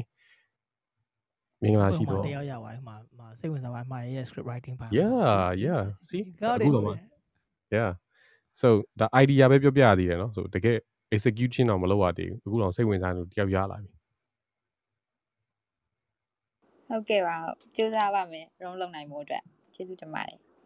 ဟုတ်ကဲ့ပါခင်ဗျာဟုတ်ကဲ့ပါဆိုဒါဆိုလို့ရှိရင်အားလုံးပဲနောက်တစ်ပတ်နောက်ခန်းလေးမှာကျွန်တော်တို့ပြန်လဲဆုံတွေ့ကြပါမယ်ဆိုမက်ထက်ကြီးနဲ့လည်းကျွန်တော် ဒီနေ့စကားတွေပြန်ပြောပြတယ်ဆိုတော့မက်ထက်ကြီးနဲ့လည်းကျွန်တော်အခန်းတွေလာဖို့ရှိပါသေးတယ် schedule လုပ်ထားပါတယ် um spirituality toxic လို့ခေါ်ပါတယ်ဆိုနှစ်ခုကတော့အရန်ကိုစိတ်ဝင်စားဖို့ကောင်းတဲ့စကားလုံးနှလုံးကိုပေါင်းပြီးတော့ထည့်ထားတာပါเนาะဆိုတော့အဲ့တော့